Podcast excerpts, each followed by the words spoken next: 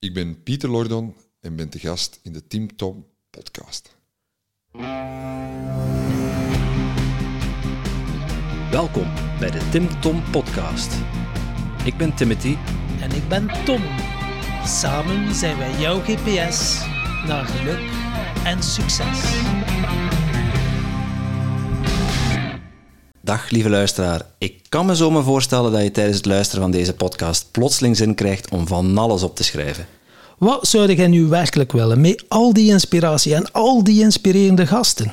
Maar dat is nogthans helemaal niet nodig. Oeh, dat is niet nodig. Hé, hey, kan ik dat niet allemaal niet onthouden? En eh, wie gaat dat opschrijven voor mij? De kaboutertjes misschien? Nee, maar dat hebben wij al voor jou gedaan. Surf naar www.timtompodcast.com en daar vind je een blog boordevol tips en wijze inzichten van onze gast. En als je er dan toch bent, download dan meteen ons gratis e-book vol boekentips, luistertips en nog meer inspiratie voor jouw persoonlijke groei. Dag lieve luisteraars, welkom bij alweer een nieuwe aflevering van de Tim Tom podcast. En eh, ja, het is de eerste keer eh, dat we nu een podcast doen als host of the year. Inderdaad, want we lopen een beetje voor, dus uh, we zijn al een aantal maanden host of the year als mensen dit horen. Maar uh, inderdaad, we hebben uh, vorige week onze prijs in ontvangst mogen nemen. Hè? Ja, en ze zeiden ginder op de Belgische podcast al en nu dat we die een prijs hadden ontvangen, het wordt toch een keer tijd om een grote meneer uit te nodigen. Daarmee, ja. We hebben een basketter gepakt. Hè? Ja, twee meter aan. ja, en dat is nog inspirerend ook. Hij paste niet door de deur, hij zijn eigen bukken. En uh, hij heeft punten gescoord, want hij heeft cadeautjes meegenomen, net al. Ja, inderdaad. Daar altijd een streepje voor. Als we straks eens uitpakken, dan kan hij vertellen wat erin zit. Ja, goed plan. Pieter Loridon, dames en heren. Dag Pieter. Goedemiddag. Welkom. Of morgen, of avond, wanneer ze het ook luisteren. Jij bent nog maar net wakker, of dat je dat zo zegt? Uh, nee, maar aan de hand van, ik heb geleerd dat podcasts uh, heel vaak op diverse uren worden beluisterd. Scherp. Dat klopt, ja. Sommige mensen zitten nu, zijn net, net wakker, sommige mensen gaan misschien bijna slapen. Ja. Voilà. Ja, dat is het mooie aan, uh, aan podcasten. Hè. Je hebt zelf ook een podcast, hè? Uh, ja, ik, heb, ik vind dat alles eigenlijk organisch moet groeien. En uh, ik kom zoveel boeiende mensen tegen. En ja, ik, had, ik, ik, heb ook vrij veel jonge mensen rond mij. En die zeiden, Pieter, dat is toch zo, zodanig interessant. Waarom doe je er geen podcast? En impulsief dat ik, dat ik ben, heb ik dat ook gewoon gedaan. Um, en dat is eigenlijk een, uh, hoe dat ik het noem, een, podcast uh, zonder plan, maar wel met een doel. En ik heb totaal niet een insteek van dat moeten er zoveel zijn. Dat is wanneer ik het voel dat ik dat iemand interessant tegenkom, maar met een doel wel. Omdat ik merk toch wel dat heel veel mensen rond mij um, een, een bepaaldzelfde traject uh, bewandelen. Of wanneer dat ze succesvol worden, of hoe ze succesvol worden, of hoe ze happy worden. En ik vind dat heel veel mensen uh, zoekende zijn, terwijl het vaak zo simpel is. Ja. ja, dat is eigenlijk mooi, want we hebben eenzelfde doel met de podcast. En wij, wij zeggen, wij zijn jouw GPS naar geluk en succes. Beetje pretentieus natuurlijk. Um, maar toen wij met de podcast startten, was het, ja, het idee, kom, laten we mensen gewoon eens vragen wat zij hebben gedaan in hun leven, waardoor ze gekomen zijn op het punt waar ze nu staan. iedereen vindt hopelijk van zichzelf dat hij, degene die wij in de podcast hebben gehad, uh, niet alles even goed gedaan heeft onderweg. En uh, ja, wij kunnen heel veel leren van andere mensen hun fouten.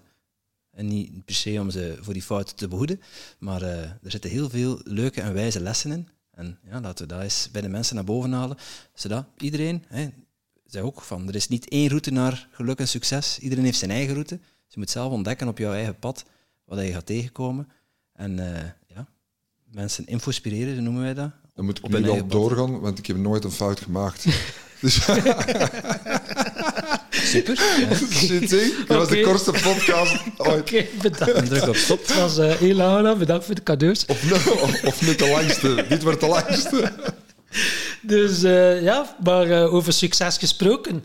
Je bent begonnen uh, ja, als basketter. Was al van kleins af dat je dacht van... ik word hier een mega goede basketter? Wel, mijn vader was een van de beste Belgische basketters. Um, of toch van de meest succesvolle teams bij Racing Mechelen. In tijden van Willy Stevenier. En dan heeft mijn vader samen met die ploeg enorm veel Europese successen gehaald heeft ook de tweede meeste selecties in het Belgisch nationaal team. Was geselecteerd voor een, het Europees team. Dus dan groeide eigenlijk op in een omgeving. En dat is wat ik altijd zei. Ik heb meer uh, de basketboeken van mijn vader gelezen dan Suskes en Wiskes. En je groeit gewoon op met bepaalde verhalen, uh, emoties vanuit de sport. Um, ja, en dan word je eigenlijk letterlijk en figuurlijk met de paplepel in de mond, maar nooit verplicht. Ik mocht eigenlijk doen wat ik wou. Uh, maar basket was heel dominant in, in ons leven, maar ik moest het niet. Um, en zelfs op mijn 16 jaar werd ik in de Antwerpse selectie nog maar, er waren er 180 geselecteerd die eens mochten komen trainen, werd ik de eerste naar huis gestuurd. Dat ik eigenlijk dik was en mollig en niet kon springen. En ik had wel een beetje talent, maar op mijn 16 jaar naar huis sturen, dan, dat is ergens een moment geweest, denk ik, dat je make it or break it, wat je daarmee doet. Ja, ja, dat kan ik me wel inbeelden. Dat veel mensen dan zeggen van, uh, ja, ik geef het op. Maar dat was voor u net de motivatie van, ik zal ze het een keer laten zien wat ik in mijn mars heb? Uh, wel ja, je komt eraan eigenlijk. Mijn vader had dan had ook Nike, het, het sportmerk, binnengebracht in België. Deed de PR ervoor, omdat hij zelf eigenlijk groothandel in, in lederwaar, in schoenen was. Um, en de DTP ervoor, dus ik kwam eraan met de nieuwste training van Carl Lewis, vergeet ik nooit, met de Amerikaanse vlag, die dan alle gouden medailles op de Olympische Spelen haalde. En uh, ik had wel wat talent. En ik was de zoon van. De zoon van John Loridon.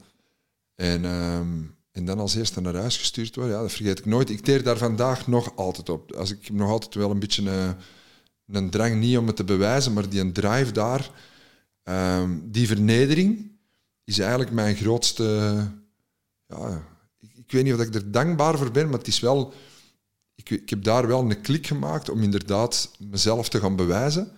En te zeggen van. En toen zei mijn vader ook vaak: zei, Pieter, je moet in, in een donker afzien om eigenlijk in de spotlight te schitteren. Wow, en daar ben ik echt. Uh, ik ben beginnen trainen, dat wilde niet weten. Mijn, ja, ik heb dat omgedraaid naar iets, naar een drive. En dan heb ik natuurlijk het, is dat nu geluk of talent of de combinatie van alles? Ja, drie jaar later in Finland werd ik wel geselecteerd. Drie jaar later voor het uh, nationaal team min 21 jaar. En uh, de openingsmatch ooit, dus geen provinciaal selectie, ja. niet provinciaal, maar ineens nationaal in Finland, pre-kwalificatie, maakte ik 35 punten. Wow. En uh, ik belde mijn vader op en ik zei, ik denk dat ze me nu wel kennen.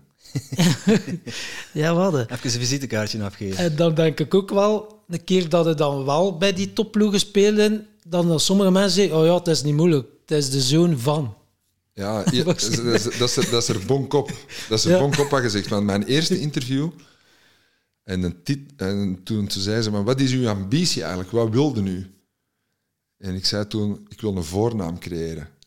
En dat was identiek de zoon van. En um, dat, is, dat, is, dat is echt mooi. Ik krijg echt kippenvel over heel mijn lichaam. Want dat, is, dat, ja, dat is mijn ziel dit. Dat is, en dat was ook eigenlijk, want ik was altijd de zoon van. En, en om er terug te komen, je krijgt wel een kans, sneller een kans. Bijvoorbeeld uh, Verhulst, Geert Verhulst, een zoon, die gewoon rapper een kans krijgen. Daar moeten niet ronddraaien. Maar die, die moet zijn eigen ook wel dubbel gaan bewijzen. Want anders is het ook maar de zoon van.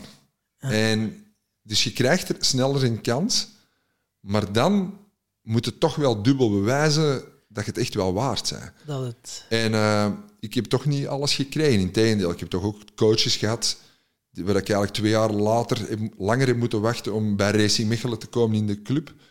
En die niet kreeg. En dan dat ik die Alexanders dan wel kreeg, maar ik heb die wel dubbel moeten pakken. Ja, wat ik kan me nog herinneren. Vroeger was mijn Peter ondervoorzitter van Bobcat Gent of Hellas Gent.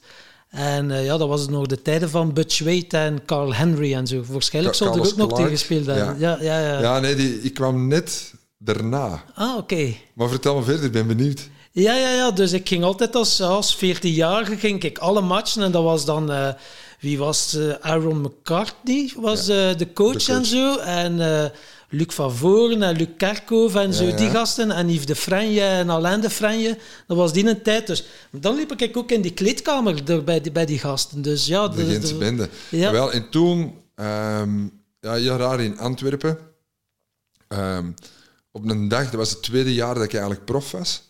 Ik was eerst in Aals, dan ben ik naar Antwerpen gegaan en dan toen, toen was ik bij een bepaalde trainer en er was eigenlijk lachen verboden. Was eigenlijk, vond ik, een heel gefrustreerde houding.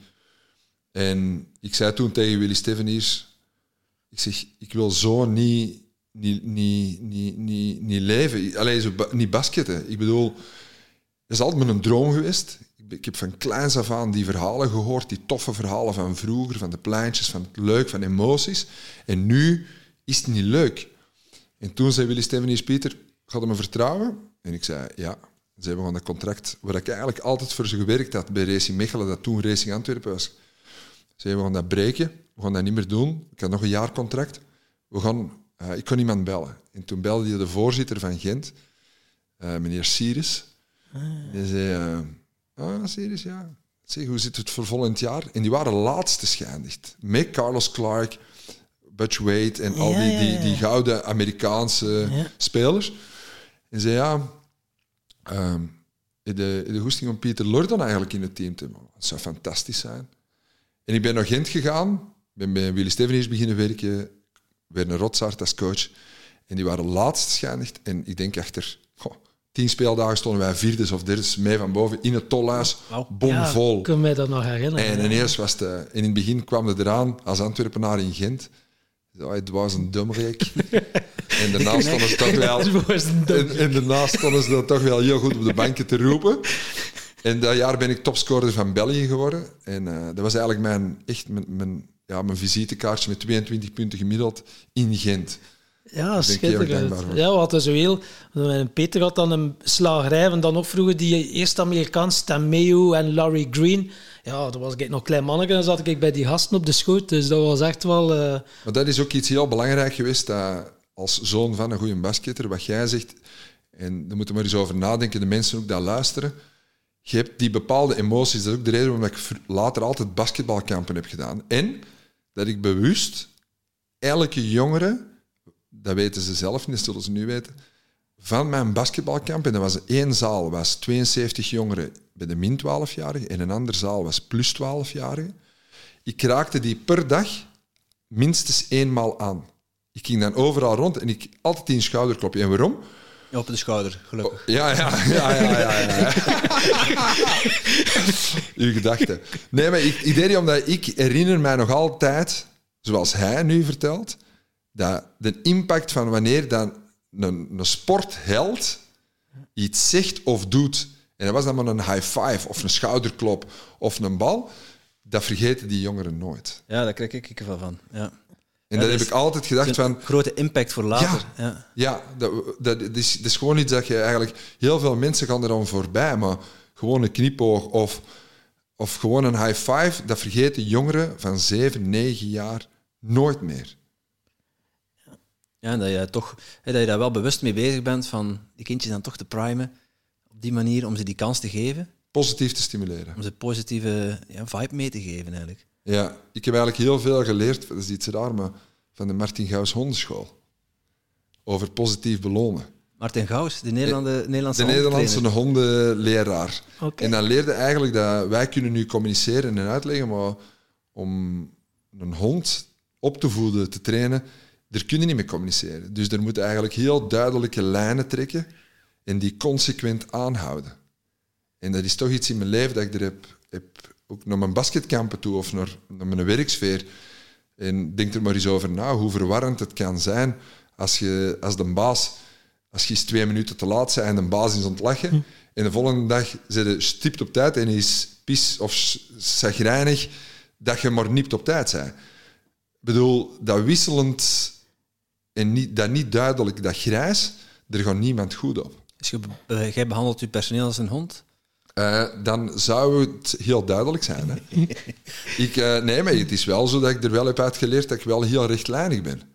En ik heb heel duidelijke lijnen hoe, eh, hoe ik omga met mijn mensen wat ik, en wat voor mij belangrijk is en wat voor mij minder belangrijk is. En dat wisselt niet aan de hand van mijn humeur. Nee. Ja. Dus what you see is what you get. Als ze weten wat dat jij belangrijk vindt en waar je grenzen liggen, dan is dat duidelijk. Het is niet dat je dan een week later nee anders nooit. gaat reageren. Nee, en het is ook niet what you see, what you get, is in mijn geval ook, ook eigenlijk niet juist. Omdat heel veel mensen hebben een verkeerde perceptie over wat ze zien. Mm. Uh, ik ben vrij groot. Ik, uh, ik, kom op een andere manier over. De perceptie is helemaal anders dan als mensen mij kennen.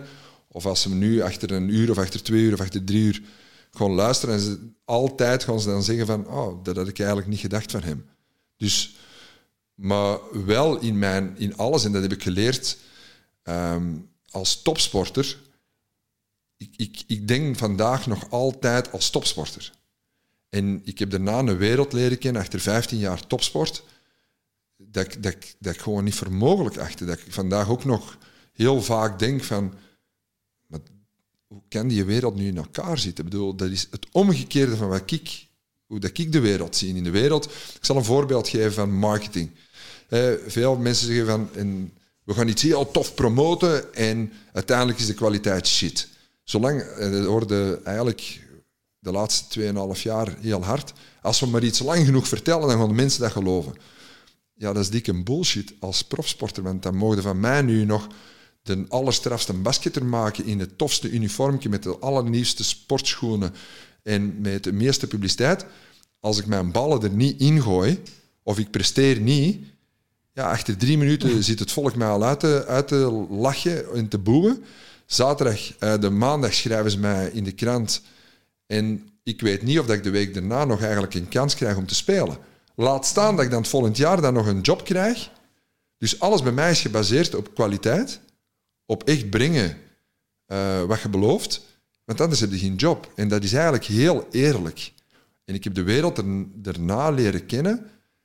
Dus ik ben in shock van, fuck, mensen beloven iets en doen het niet. Mensen naaien nu. Mensen doen het juist omgekeerd. Dus die zeggen eigenlijk van, oh, je bent een toffe en steken dan een mes in hun rug. Terwijl eigenlijk in de sport, dat is kleedkamertaal. Dat herkende je ook heel hard in bij topchefs. Uh, die, iedereen, Sergio Herman is een heel goede vriend van mij. Maar heel veel mensen denken, oh, hoe ligt hij nu te roepen in, die, in, die, in, in, in de keuken? Ja, je zou eens moeten zien hoe dat Ronaldo of Messi of welke sporter roept in de kleedkamer. Dat is niet negatief.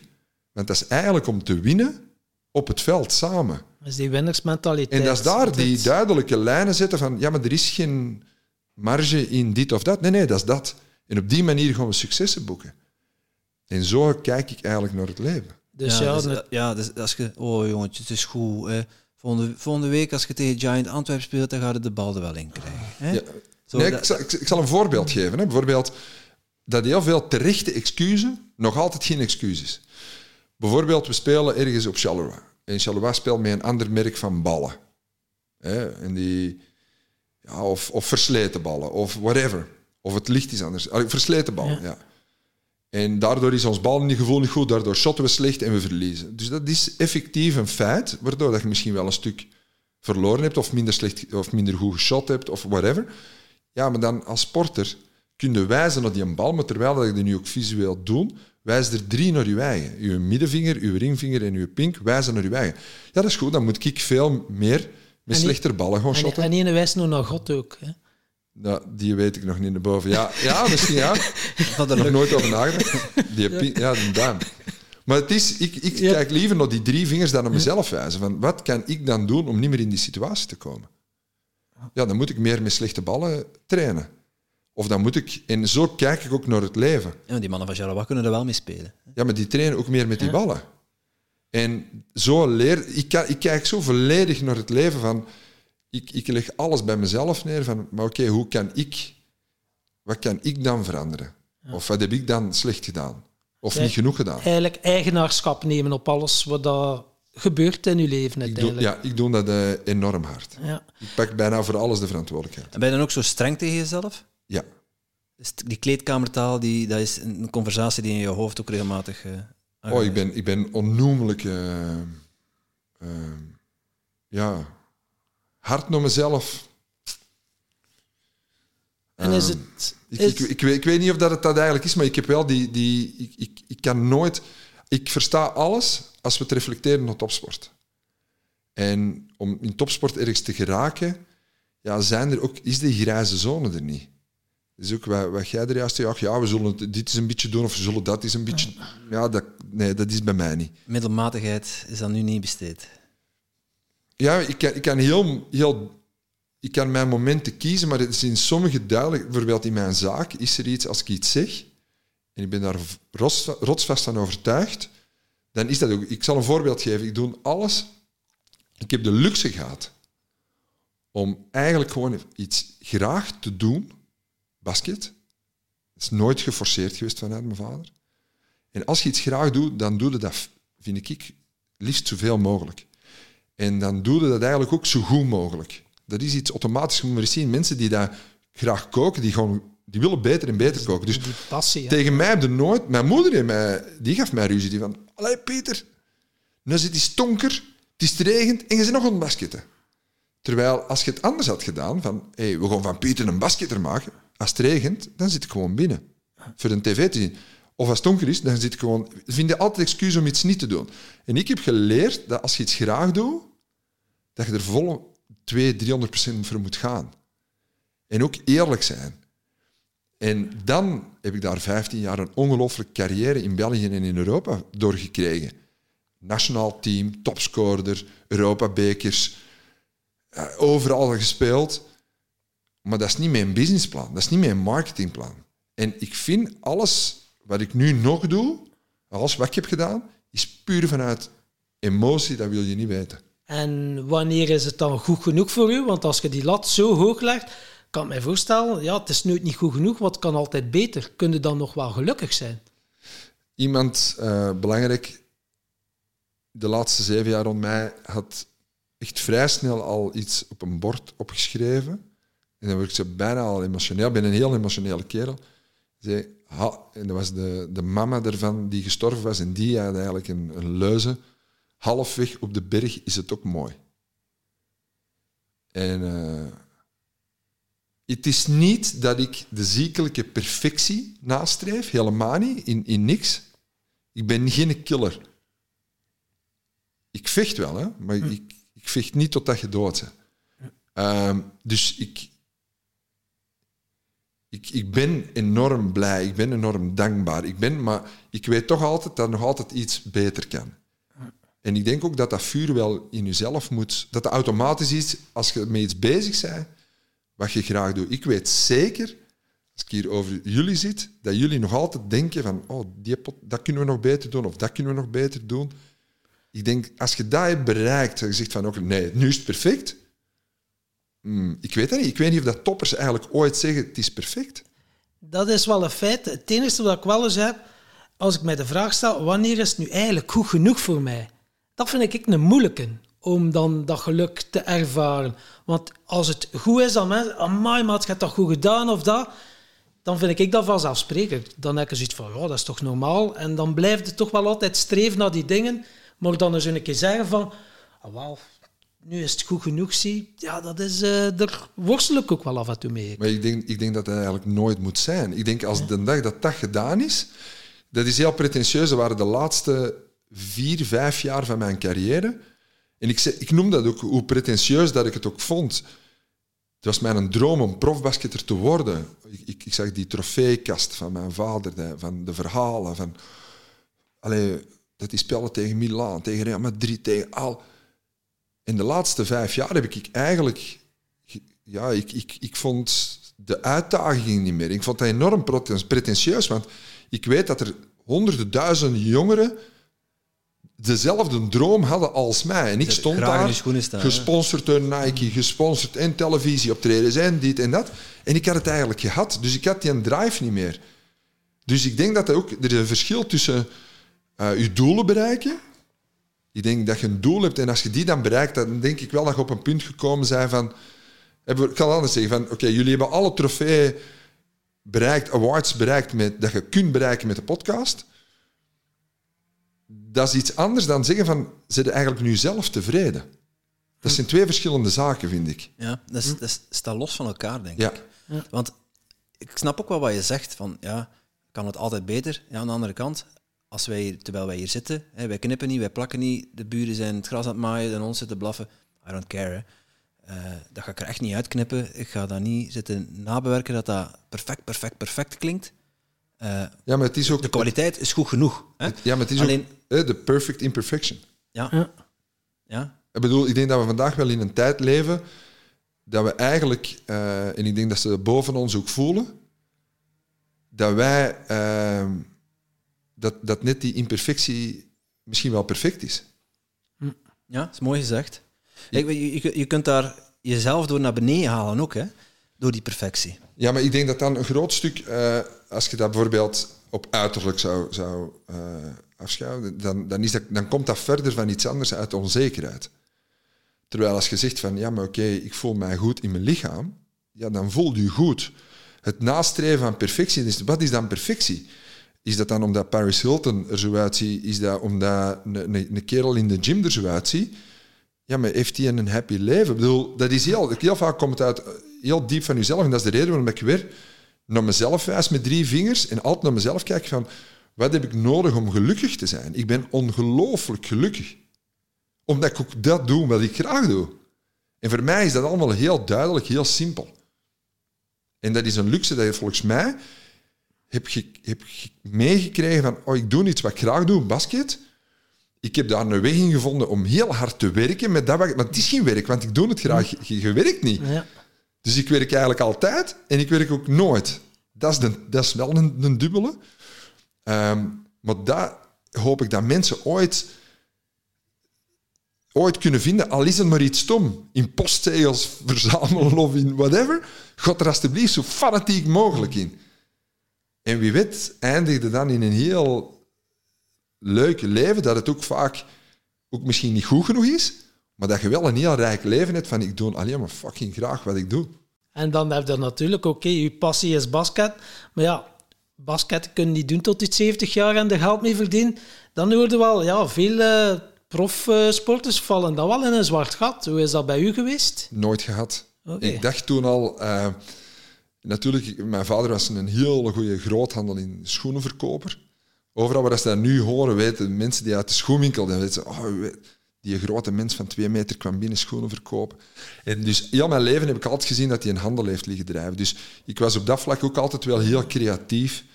eh, omdat ik dat zag bij mijn vader. En als die dan, als die dan op Trademarkt in Brussel de aankoopdagen, dan had hij eens een taart te voorzien en was hij heel creatief met flyers. En, en ik was eigenlijk al tijdens mijn basketcarrière... eh, de mama van, toen ik toen met de mama van mijn zoontje was, die werkte in een IT-bedrijf en die kerel kwam dan eens nog een basket zien en die zei, oh mijn Peter, ik zou wel eens willen sponsor- sponsoren, ik vind dat hier wel een toffe vibe. En toen bracht hij die in contact met de voorzitter en toen hoorde ik hoe dat hij dat eigenlijk deed en toen dacht ik van, ja maar nee, je moet dat anders doen. Je moet een sticker onder de goal zetten, want die is altijd in beeld. En dat is nog altijd niet in hun, in hun sponsordeals. Dus je gaat dat een mindere prijs kunnen hebben met meer visibiliteit. Zeg, als je die VIP's nou anders zou aanpakken, als je dit nu doet, dat. Ik heb altijd heb ik een bepaalde creativiteit in mij gehad. ehm, dat ik ook altijd heb, heb, ja, ook gewoon altijd heb gedaan. Ik heb altijd eerst gedaan en dan gedacht. Ah, ja. Maar puur vanuit emotie, hè. Oh, weet je, ik vind eigenlijk... Mijn zoontje was ziek. Gewoon koorts. Eh 38, 39 en ik herinner mij, ik zat... Was, was echt een paar maanden. In mijn armen was geen plaats in, in het ziekenhuis. Heeft die hele nacht in mijn armen geslapen. En ik zat daar in een wachtkamer met allemaal echt oud speelgoed. En ik dacht gewoon... Ik was zo dankbaar voor die verplegers en verpleegsters.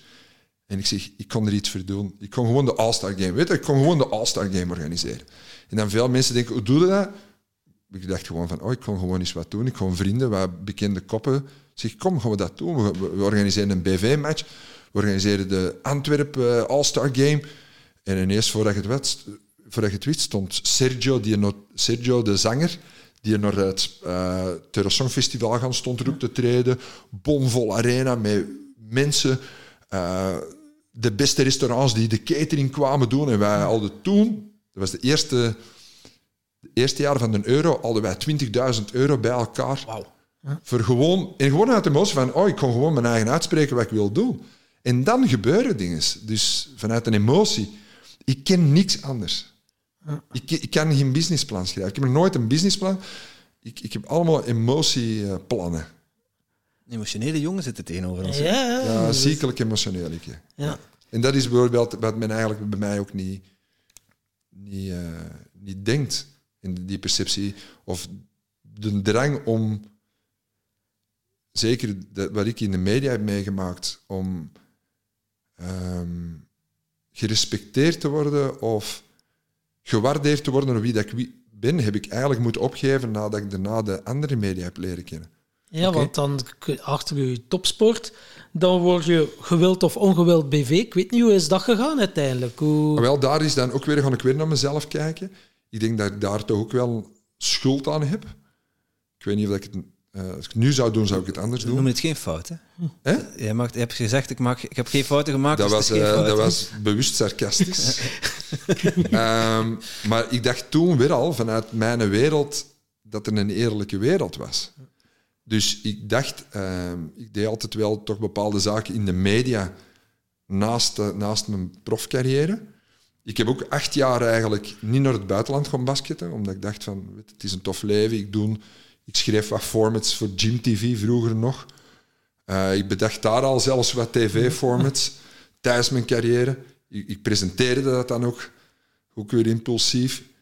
En ja, ik vond dat wel leuk. Dat triggerde wel. Zo'n oh, bekend zijn en op alle feesten worden uitgenodigd. En MTV en eh, TMF en Gym TV. En oh, dat vind ik wel leuk. Oh, mij. Ziet er heel veel knappe vrouwen. Dat is eh, glamour en glitters. En ja, dat triggerde me wel. Ehm, totdat je het op een bepaald moment zei. Dat je eigenlijk zegt van, weet je, na mijn carrière van... Ze zelfs gevraagd voor het op de dansvloer mee te doen. Het eerste ding heb ik dat niet gedaan. Toen van Gilles de Bilde dat. En daarna, toen leefde ik eigenlijk ook in Kopenhagen. En toen eh, zeiden ze van, wilde mee... nou, Die bleven om mijn, a- om mijn arm trekken van ster op de dansvloer mee te doen. En toen zei mijn toenmalige vriendin, een Deense, die zei van, Pieter, doe dat. En ik zat in Kopenhagen met eh, Pieter Schmeichel, de, de- eh, de, de de Deense ja. keeper van Manchester United. Ja, die had ja. dat in Londen gedaan. En die zei toen, dat is een ongelooflijke ervaring. Je moet dat doen. En dan was dat toen, Gilles de Bulden had dat gedaan, een sporter nog. Ik zei, weet je, I'll do it. En ik had mijn contract met VTM toen gemaakt dat ik de eerste drie weken eigenlijk alles uitbetaald kreeg. Omdat ik dacht van, weet je, ik, ik lig er hier toch uit. En dertien weken later had ik heel veel sympathie van kijkers en heb ik dat gewonnen. Ja, dat. En dan zei ineens, dan denkt ik herinner mij toen nog, weet je, als basketter eh, wordt af en toe herkend. En dan dacht ik, ik zei toen tegen mijn vriendin, zeg, weet je, we gaan gewoon even, gaan naar de zee. Er is te rustig, want op de zee, er werden minder herkend ervoor. Eh, Ik wist niet wat ik zag. Ik, ik, er hadden 1,8 miljoen kijkers gekeken naar de finale van Sterren op de Dansvloer. Van 6 miljoen Vlamingen. Ik ging op een terras zitten. Jongen, dat, was, dat, dat, dat hoopte zich samen. zee van 150, 300. Dat was Clouseau in, in de top altijd mee. me. En ik zo, fuck, wat is dit? En dan krijg je een andere kant te zien. En dan zit hij eigenlijk ineens heel bekend. Ja, nou, dan komt hij in de boekjes te pas en te onpas. Dat komt in de boekjes en dan speelde het eigenlijk... Je, je speelt dat spel mee. Ja. Ik wist toen niet dat het een spel was, want ik dacht van, ah, weet je waarom? Ja, ik kon gewoon mijn verhaal doen. Ik heb ook niks te verbergen of te... En dan merkte eigenlijk dat, je, dat de wereld niet zo eerlijk is. Want als je in het ene boekje niet schrijft, dan schrijven ze in het andere boekje niet anders. En dan zit je eigenlijk een speelbal. En hoe gaat het er nu mee om? En ik ben niet de type die zegt van, oh, ik kan nu eens hier dit doen en dat daar doen. Maar, ja, en dan zit eigenlijk, dat is ongelooflijk. En dan, eh, dan gebeuren er een aantal zaken privé, waardoor dat je scheidt. Ehm, en dan komen ineens die hoofdredacteurs en die beginnen te zeggen van, hey, hoe zit het en dit en dat. En ik zeg, ja, ik zou eerst wel mijn scheiding willen afronden. Ja, ze ja, oké. En dan daarna doet u verhaal? Ja, ik doe mijn verhaal daarna. Ik geef die een hand. En vijf dagen later krijg ik een bericht van zijn onder... eh, van zijn de, de redacteur eronder die zegt, ja, ze gaan het toch brengen. Want dit, dat. Maar dat was helemaal niet, dat was ook helemaal niet waar wat hij schreef. En toen, toen dacht ik van, fuck, wat is dit? Ik bedoel, die geeft mij een hand, die geeft zijn woord. Die schrijft leugens. Dan heb ik eigenlijk heel goede vrienden die eh, advocaten zijn, die toen hun eigen kantoor gingen beginnen. Dat waren de gebroeders Souidi, Omar en Munir Souidi. Uh, die, die zagen dat eigenlijk, die kenden mij heel goed, ik kende hen goed en die zagen wat er eigenlijk begon af te spelen en die kenden mijn verhaal. Pieter, uh, misschien moeten wij even in gang komen. En toen heb ik ook geleerd dat eigenlijk in België, en, dat de mensen die nu luisteren, gaan 99,9% gelooft deze niet, je kunt schrijven wat je wilt. Zolang dat de aanhaling is een titel. Ze kunnen bijvoorbeeld zeggen, ah, Tim en Tom, die uh, gaan de, de bossen in en die worden daar gespot met kleinmannetjes. Als je dan leest, dan zie je dat mensen om de omgeving open de aanhalingstekens. Dat iemand dat zegt, sluit aanhalingstekens. En dan kun je daar niet tegen procederen, want een journalist heeft brongeheim, tien jaar. Dus ze gaan nooit de bron, of dat die nu bestaan of niet bestaan, zeggen. Dus eigenlijk kan een journalist of een hoofdredacteur gewoon een heel interview verzinnen, neerschrijven. En zo werd dat dan vroeger gedaan. Dat werd aan een advocaat gegeven. Dat werd nagelezen of dat de commas in de aanhalingstekens juist stonden. Want dan kon er gerechtelijk niks tegen gebeuren. En wat lezen mensen? Die lezen de titels. Ja. En dat zijn karaktermoorden. En dat, heeft, uh, dat heb ik moeten ervaren. En vanaf dat ik dat door had, heb ik gezegd van ik doe nooit nog iets in media daarna. Dus ja, zei nogmaals, hè, wij zijn jou heel erg dankbaar. Want ja, we zitten nu toch maar mooi een podcast op te nemen. Uh, in de podcast mag je zelf de aanhalingstekens uh, doen met je vinger. Je doet ze af en toe. Mensen thuis die horen dat niet. Um, maar jij hebt wel een beetje een haat-liefde verhouding met media. Wat is dan toch de reden dat je ervoor gekozen hebt om, hier te zitten? Ik denk dat het de tweede keer is dat ik nu zit. En dat was het andere van de, de binde van Anemie op Radio 1. Heel toevallig had ik die eens beluisterd en ik zei, wat een harde tand en is dat. Dat is fantastisch, dat die doorvraagt. Daar hou ik van. En die zei, ik zei dat ook van, die stelde net dezelfde vraag. En ik zei, ja, dat is simpel. Ik zeg dat nu ook, Tim Tom, omdat ik de microfoon heb. Jullie gaan niet schrijven wat... En dan moet de, de luisteraar moet maar kijken of dat ze mij een jerk vinden of een toffe kerel. Dat maakt mij ook niet uit. Maar ik kan wel mijn verhaal doen. En ik heb geleerd dat mensen met een pen mensen kunnen vermoorden. Ja, met, met, een micro ook, hè, want ja, ik kan zodanig knippen en plakken, kan je eigenlijk laten zeggen wat je wil. Hè. Van wat, wat ik wil dat je zegt, door woorden aan elkaar te plakken en te doen. Ons format is zo dat wij niet knippen en plakken. Um, maar op tv of op VTM, je noemde net het voorbeeld. Worden, hè, Tom is ook uh, BV geweest vroeger in een vorige leven. uh, meegedaan met Comeneten. Maar dan worden ook de stukjes eruit geknipt. En ze, wordt een reactie ontlokt, dan nemen ze op en dan zenden ze uit. Ze zenden alleen de reactie uit. Ja, maar dan is er nog een andere vorm van waar dat ik zit. Het is de tweede keer dat ik zit. Bij de Bende van Anemie zitten live in het programma. Uh, bij jullie heb ik een aantal zaken geluisterd dus dat is hier het geval niet. Als ze mij vragen, ja, maar geef ergens een microfoon en we gaan knippen en plakken, ja, dat ga ik niet doen. Ik doe niks niet meer in media. Ik hoef het ook niet meer. En, uh, luistert, vroeger, we spreken over een tijdperk waar dat er nog uh, bij Story dag allemaal iets van, ik denk, 12, 14 man op de redactie zat. Ik denk dat dat vandaag een pak minder is en dat ze eigenlijk, social media heeft wel, ik heb wel mijn social media vandaag nog. En ik heb um, de macht is wel een stuk omgedraaid. Ik denk dat we dat in deze tijd eigenlijk ook wel heel hard ervaren. Hè? Ik, ik, ik, ik, zakte door, de, door, de, door mijn stoel als ik uh, Jean-Pierre Van Damme, de viroloog, in het begin zei van ja, maar het zijn de mensen die naar het nieuws kijken die goed geïnformeerd zijn. Ja. Ja, die, ik, zeg ermee, ik zeg, wat ze hier aan het zeggen, man? Ik zeg, ik, ik, ik heb mijn info over heel de wereld ik, ik zit los in alle debatten in heel de wereld. Ik bedoel, van, van, van de buik uit weet ik waar en hoe. Ik bedoel, het is niet omdat er ergens iemand uh, iets zegt dat dat waar is. Hè?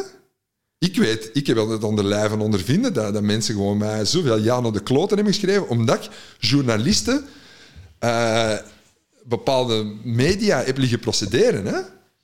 Dat is fucking bullshit. Als ik morgen het verhaal terugdoe, als ik vroeger waren er BV's, echt dames die leefden van, want de influencers van vandaag, die eigenlijk de ene keer zeggen van, ah, weet je, deze lippenstift is tof, en de, de volgende dag is, nee, nee, die lippenstift is tof. En die, dat is een winstding. Dat was vroeger de BV's van vroeger. De dames die verkochten hun, hun voorpagina's. Dat is een deel van, weet ik kan u eh, vijf voorpagina's geven en de, de, het andere magazine ga ik er vier geven. En daaronder ga ik dan zorgen dat, dat ik bij de kapper gratis in beeld. En dan ga ik die meubelen, want er we ook een fotoshoot doen bij mij thuis. Dus die meubelen krijg. Dat was de, de, de BV-winstmodel van vroeger. Maar dat was niet allemaal waar wat erin stond. Hè? En ik denk dat het het ergste is vandaag, deze dagen, dat mensen nog altijd alles geloven wat ze, wat ze lezen of op bepaalde kanalen te zien krijgen. En dan ga je als emotionele en je leest allemaal en dat is niet waar, ja, dan kun je twee dingen doen. Hè. Ja, oftewel worden depressief en ga je wegkwijnen en crashten, oftewel worden agressief en sla de gans de boel kort en klein, hè, maat. De dingen die je dat doet. Of, Dat is, dat is een leerproces dat, ehm, dat ik heb ook weer geleerd naar de topsport. Dat je moet leren omgaan met machteloos zijn. En dat is een van de ergste emoties. Dat je machteloos staat. Dat is ook met een ziekte. Als, als iemand die een dierbare iets krijgt, dan staat hij machteloos toe. Dat is het ergste wat er is. Dat is vaak dat je naar de situatie kijkt, of dat ze je aandoen, waar dat je machteloos tegen staat. En ik heb geleerd dat in die tijd, waar dat er nog geen social media stond, dat ik machteloos was. Dat, is dat, dat, dat ik wilde niet weten. Dus mijn, mijn moeder mij... ja, dat is maar één keer gedaan, maar bij belden om, om half elf en die zei, ja, Pietertje, huilend. Zei, ik heb mijn slaappil gepakt, is maar dat ik niet bereikbaar ben, want het is toch allemaal niet simpel, hè, wat ze schrijven en doen. En, zei, ja, moeder, je moet met mij eens, met mijn kop moet eens de GB binnengaan. Je moet eens binnengaan waar, dat, waar dat de voorpagina staat. En je kunt er niet tegen vechten, want ah ja, je speelt het spel, het is aan het procederen.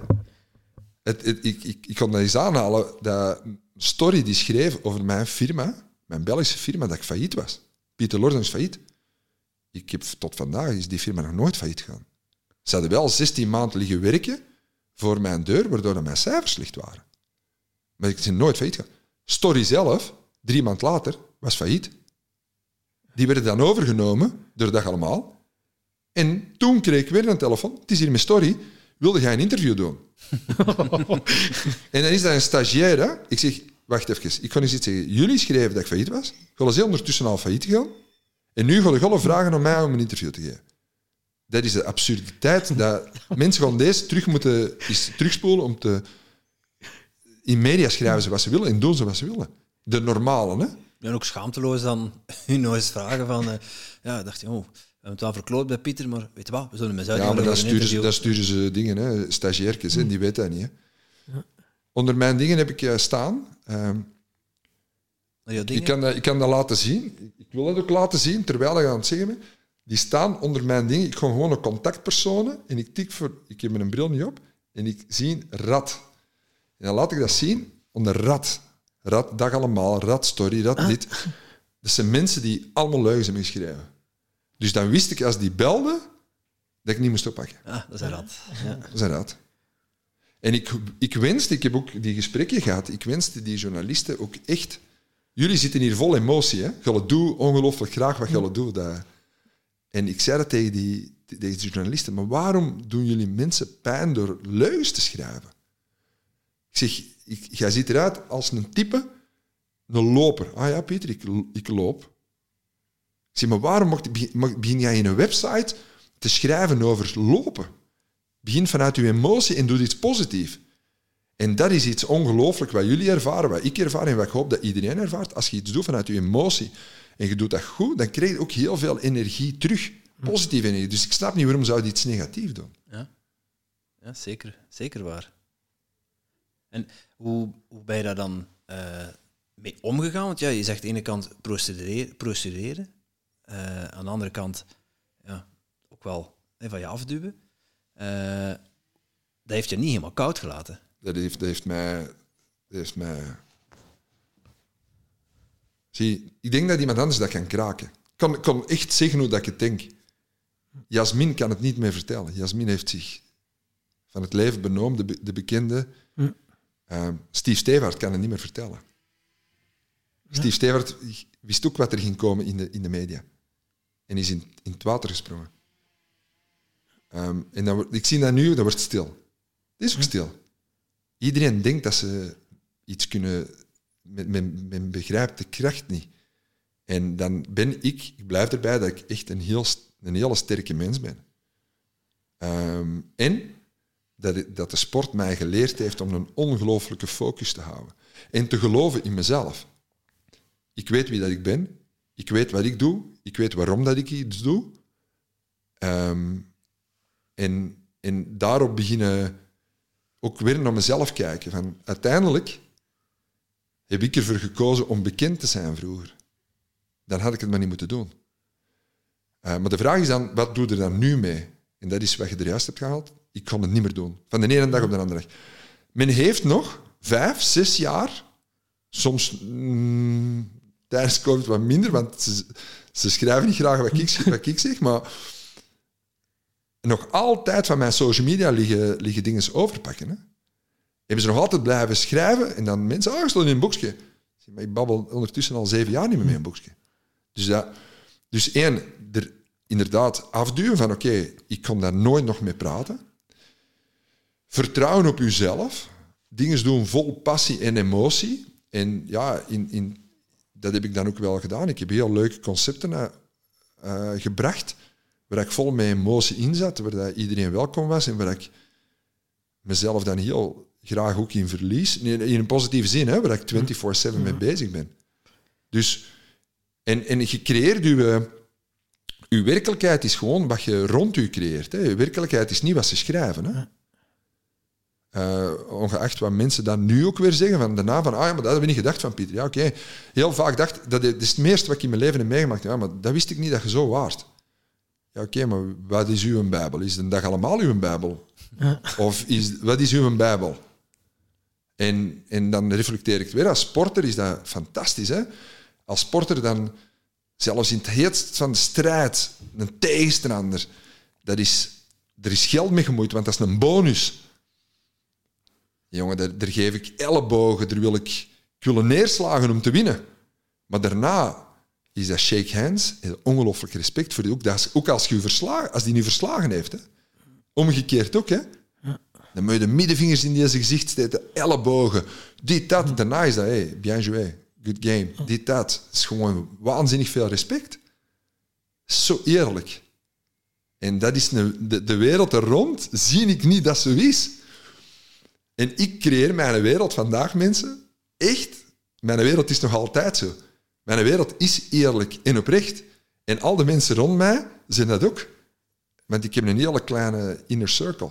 En dat is volgens mij ook een. Je moet je cirkel heel klein houden. Dus in de sportwereld, het is eerlijk, maar dan denk ik spontaan aan de gokchinezen. Nooit eh, met omkoping eh, te maken gehad of is iemand die benaderde van Pieter, smijt een keer uh, nevens de, de ring, jongen. Als je dat afvraagt, om heel simpel te doen, waar zit er doping?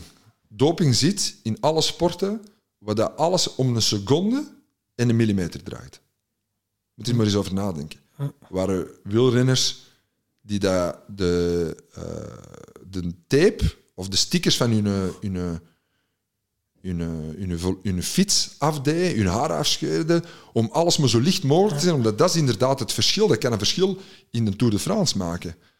Dus alles wat zo nipt is, een basketter, een voetballer, ja, dat moet een randdebiel zijn als die het doping wil pakken. Want, bedoel... Dat ja, is meer niet... kracht kan mij wel inbeelden, ja, maar zo, dat is, de ringen zo. Dat, dat is echt niet nodig. Ja, Ja, ja, een, ja, keeper, in principe. een keeper die cocaïne pakt om meer focus te hebben. Ja, maar, dat, ja, maar, dat, ja, maken, dat- hè? ja, maar dan gaat hij nooit die scherpte heb- hebben. Dat, dat, die, die wordt, sorry, dat, dat zie je door iedereen. Ik bedoel, eh, de- je wordt in de, in de long run, is, is Maradona dat is, dat is een ongelooflijk figuur. Ik kom net van Napoli, dat is, dat is niet normaal, dat is, dat is, dat is, dat is, dat is, dat is een soort god. Maar uiteindelijk als sporter is die er niet beter van geworden. Hè? Dus dat is bullshit. Langs de andere kant, die gokchinezen, ja maar luistert, eh, de toppers, eh, die Nee. Messi en Ronaldo, gaan, gaan die, die zitten op een niveau. En ooit heb ik dat eens gevraagd om Willy Stephens. Maar is, hè, toen dat, dat heel hard in de media was, zei maar Willy, vertel eens, wanneer gaat je dan uw eigen laten omkopen? Dat heeft aan mij nooit iemand gevraagd. Hm. Maar wanneer, ik stel me even, maar wanneer, en dan waren we erover aan het babbelen, zei ja, Pieter, dat is simpel. Hè? Zei, dat is, dan moet je uw carrière tellen. Hè? Jij nog acht jaar carrière, je weet wat je verdient. Als ze dat betalen, ja, dan kun je dat risico pakken. Hè? Want als ze het pakken, dan is je hele carrière weg.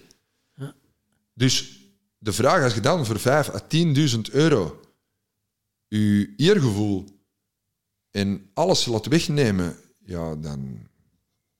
Ja, ik denk dat vooral ook mensen zijn die net niet goed genoeg zijn voor de top, die Ja, maar dan die ook niet makkelijker verder worden. Ja. Dus, dus waarom zouden... Allee, dat stel, waarom zouden mensen in de zijk nemen? Ja. ja, waarom? Dat is een goede vraag. Ik snap dat niet. Ik snap, ik bedoel, ik, ik heb, als alles vanuit emotie gaat, en ik heb altijd, de, goed, ik, ik, ik meen dat echt, ik heb mijn leven fouten gemaakt, maar ik heb nooit iemand pijn willen doen. Ik doe, ehm, dan, waarom zouden dan in het leven, dan, dan moet er voor alles gewoon gaan. Als je nooit slechte bedoelingen hebt, dan denk ik ook dat er heel weinig fout kan gaan. Eh, Laten hem kopen. Waarom zouden dat doen? Ik, ik, ik kan dat niet verstaan. Nee, als je, Ik zou een, het ook niet kunnen. als je een pure mens bent en met, ja, Ah, goed, er maar hoe hard dan... eh, maar hoe ja. kan dat? Ik bedoel, ik wil ik elk daar laten zien dat ik de beste basketter ben. Ja, ja, maar dat is... Ja, aan de een- andere kant, als je zeven jaar op rij de Tour de France wilt winnen, eh, dat is ook niet helemaal eerlijk gegaan. Nee, maar dan, dan wordt het nu... ah, Wel, dan zitten we vandaag in een tijd dat eigenlijk mensen Johan Bruineel nog altijd afschilderen, terwijl het die eigenlijk eerlijk is. Die toont niet genoeg berouw. Ja, maar nee, wacht. Johan Bruineel zegt, in die tijd deed iedereen dat. Ja. Dus die is eerlijk.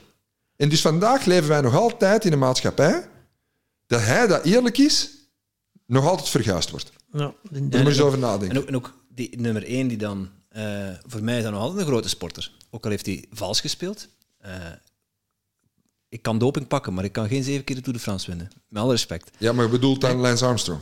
Ja, Lance Armstrong inderdaad. Ehm, maar ja, als er een heel peloton rondfietst die eh, stijf staat van de doping, ja, dan is het nog altijd een knappe prestatie. En dan is ja, maar dat kun je natuurlijk, dat is heel moeilijk om te verkopen, want dan zeg je, oh, dan moet ik mijn eigen lichaam in gevaar brengen Om mee te kunnen. om mee te kunnen. Dus, dus dat mag niet en dat kan niet.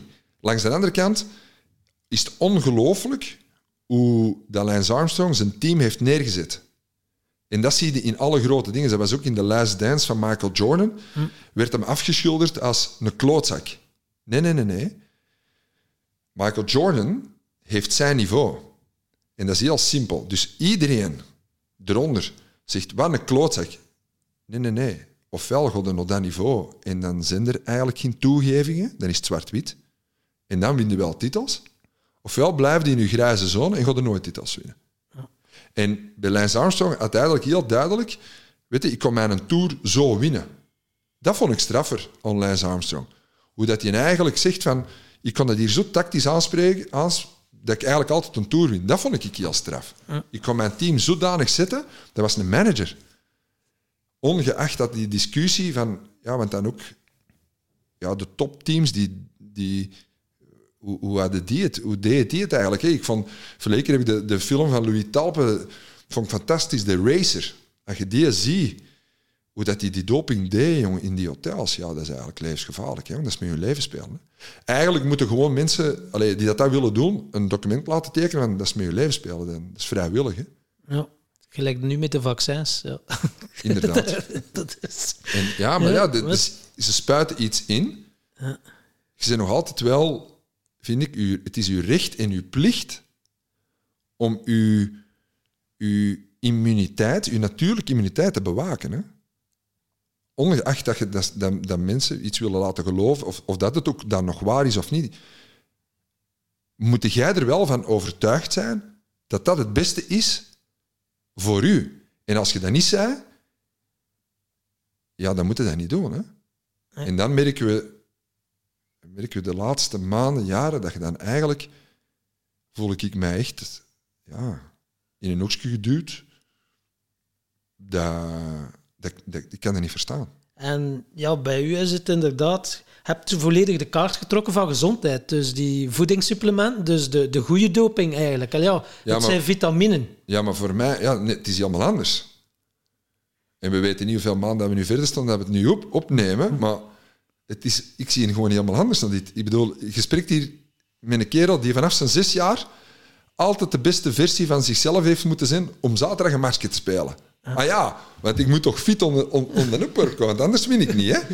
Ah ja, geen koffiekoeken nu, hè? Ja, niet dit, hè? En nu babbelen wij al 2,5 jaar niet over gezondheid. Erg, hè? Maar dat is scrapuleus. En het Dat gaat, is niet Het gaat om onze gezondheid. Maar wacht, dat, dat, dat is scrapuleus. Dat is scrapuleus. Ik was degene die... Mensen begonnen mij te shamen over dat ik zei van... Maar zullen we eens even niet naar obesitas gaan zien? Want 78%... Ik was de eerste dat dat postte op mijn Instagram. Jongen, dus... Hey, ga ze dit... Nee, nee, nee, nee. Het bewijst nu dat het lichaam host in hele ongezonde lichamen. Wij leven in een on, ongelooflijke... En dan hoorde het op mijn stem dat ik heel fel word. In een hele ongezonde wereld, vol welvaartsziektes, vol chronische ziektes. Wij zijn niet meer gezond. En dit virus legt dit bloot. Dat mensen met obesitas, of die zwakker zijn, dat zijn de... Ja, die... die maar je kunt er nog twee zaken in één zien. Je kunt zien dat de virus, oké, maar je kunt ook zien dat die mensen wel ongezond zijn. Ja, de symptoomoorzaak. Je kunt het virus zien als een, eh, als een oorza- veroorzaker van ziekte, van ellende, van dood en verderf, zoals het wordt afgeschilderd. Je kunt ook het virus zien als een symptoom wat pijnlijk blootlegt hoe dat onze maatschappij eraan Ik toe denk is. dat het beiden is. Ik denk dat het beiden is. En in, in dit verhaal is het allemaal. Het is een en-en. En dat vind ik ook het mooie. Dat je eigenlijk de mensen die dat ze wappies en complotdenkers noemen, of whatever wat daarin zit, die staan heel open om te zeggen, ja, maar het is en vaccinatie en het is en. Ik bedoel, een antivaxer, ik heb nog geen antivaxers tegengekomen. Nee. Elke, iedereen dat ze in een hoekje duwen, een antivaxer, ik denk dat die heel weinig problemen hebben met een normaal vaccin. Ik heb dat die heel weinig problemen met te zeggen van wacht, die ouderen beschermt die inderdaad met een vaccin, maar dan op de juiste basis. Ehm, dat zijn geen antivaxers. Dat is een polarisatie van een stigmatis- stigmatiseren van mensen die gewoon anders denken, van die gaan we een, label op hun kop plakken en die gaan we shamen. Dat, die, dat is zo niet. En die mensen zijn net eigenlijk, het is de oplossing is en en. hè. Luistert goed, houd hem bij, maar pak hem binnen vijf jaar. Op deze manier komen we er niet uit. Hè?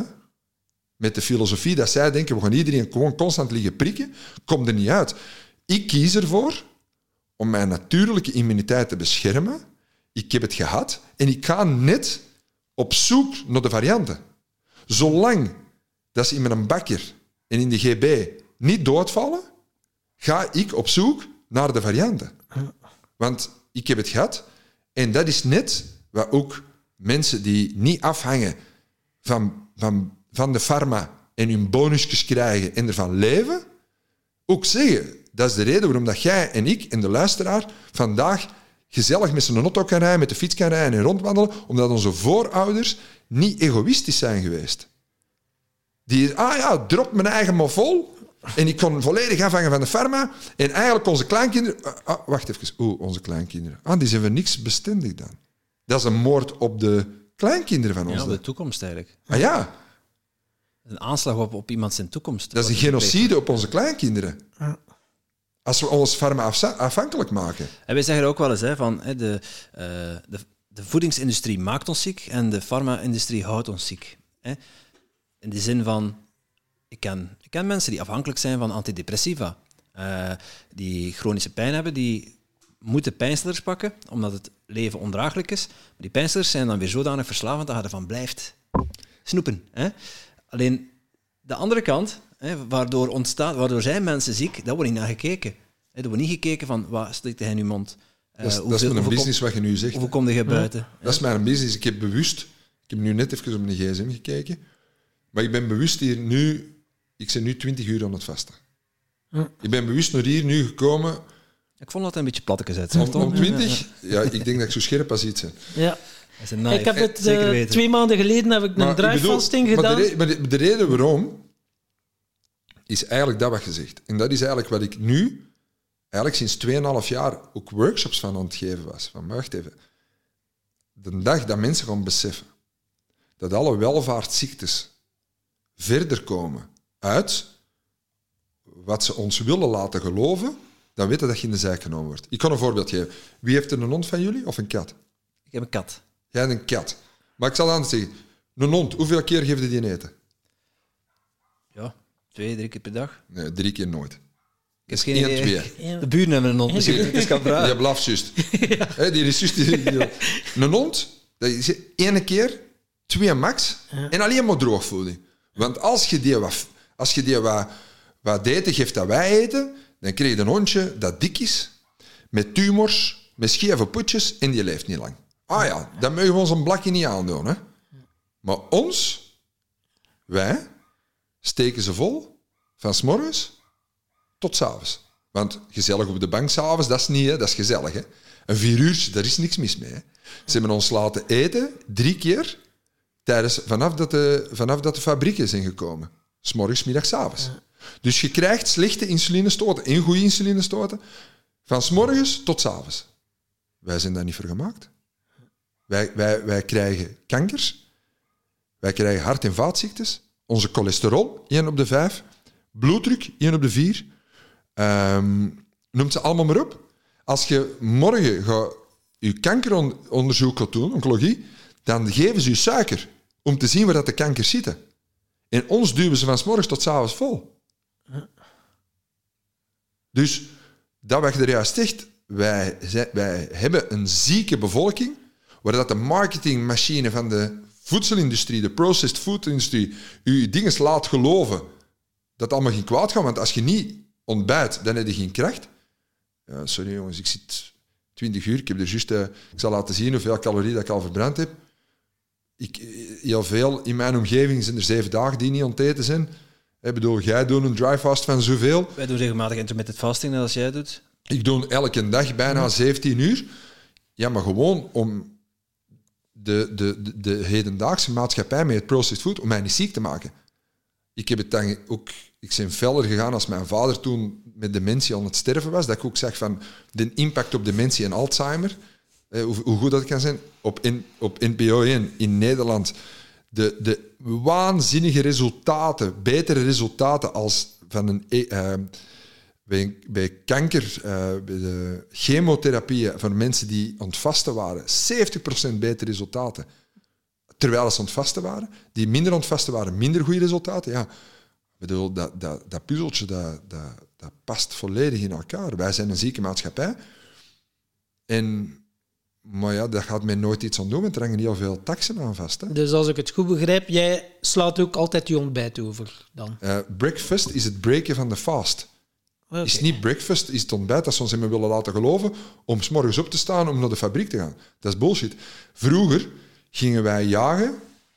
Als, als we vandaag, dat is waar Pascal Naasses heel goede richting inslaagt en, en, ook anderen, de keto-richting, is als je vandaag doet wat de natuur doet, noten, tomaten, vlees, ook vettig gewoon, avocado, gezonde dingen, is er geen probleem, is er geen aan de hand. Hè? Natuurlijk, eet onbewerkt voedsel. onbewerkt voedsel. Het fout is, als je vandaag naar de yoghurt, waar iedereen denkt dat is gezond, en je ziet overal, oh, de Weight Watchers, dat is zo weinig vet. Ja, maar wacht, er draaien er ik weet niet veel suiker in. Dus mensen staan voor iets, die worden met een groen dingetje getriggerd dat iets gezond is, maar ze steken er ik weet niet veel suiker in. Ja, en dan zetten ze erop eh 10%, of 50% minder suiker. Maar ze steken het dan vol met aspartaam. Of Ja, maar dus, dus die, die, als, je, als je insulinestoten gaat tellen de plaats van calorieën, dan gaat het terug gezond worden. En dan weten we dat het misgaat. En als je dan gaat beseffen van wat je allemaal foute insulinestoten krijgt, van zetmeel dat ze draaien in je schelke kippenwit, van suikers in je saus, dus tegen overal suikers in.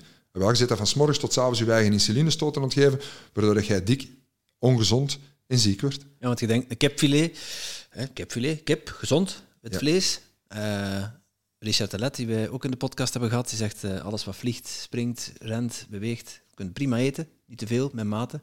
Eh, kip, ik ga in de supermarkt, kip, kijk naar de verpakking, wat staat erop? Ingrediënten, kip, glucose. En, en zetmeel erbij draaien. In schelke kippenwit en je denkt Ja, dat je gezond waarom? bent. Waarom? Dus ja, Richard Telet is een ongelooflijk op dat vlak. Hè. Het is ongelooflijk. Hè. Het- ja. Het, het, het gaat heel extreem. Bij, bij hem gaat het echt extreem in de zin van hè, 500 gram groente per dag. Eh, Ik geloof niet dat in vindt hij- diëten. dat, vindt hij nog, dat vindt hij nog te weinig. Het, gaat, niet- het is geen dieet. Nee, maar dat, bedoel ik. Ja. Ik geloof, maar ik geloof, ik geloof zelf niet. Ik heb voor mij een, een way of life gecreëerd, waar dat je toch in deze lekkere wereld kunt blijven omgaan. Ik bedoel, een dieet bedoel ik, ook al telde in positieve zin hoeveel calorieën dat je moet hebben, of in negatieve zin, of de vetten of de suikers, ik maak mij dat simpel. Ik eet 17 uur niet. Dus ik eet, of als mensen de meeste 16 uur niet, ja, om 8 uur stoppen die mee eten. Dat is heel simpel, ik zit met een timer, Hup, daarna zit ik 17 uur, voilà, en ik eet terug. En ik kom daar wat bewust in. Keto-dieet is echt het van het. Maar dat is een dieet, dat houdt Keto, je niet vol. keto is geen koolhydraten eten. Ja, zo weinig mogelijk koolhydraten. Hè? En zo weinig mogelijke suikers. Hè? Suikers en koolhydraten. eh, zou... Maar als je het simpel doet en je gefast gewoon 16 uur, en de mensen die denken dat dat niet kan, ik zit nu aan het babbelen, ik ben fel aan het babbelen, ik ben 20 uur. Dus mijn, ja, ik word alleen maar feller en energieker. En het is, het is omgekeerd dan dat je denkt.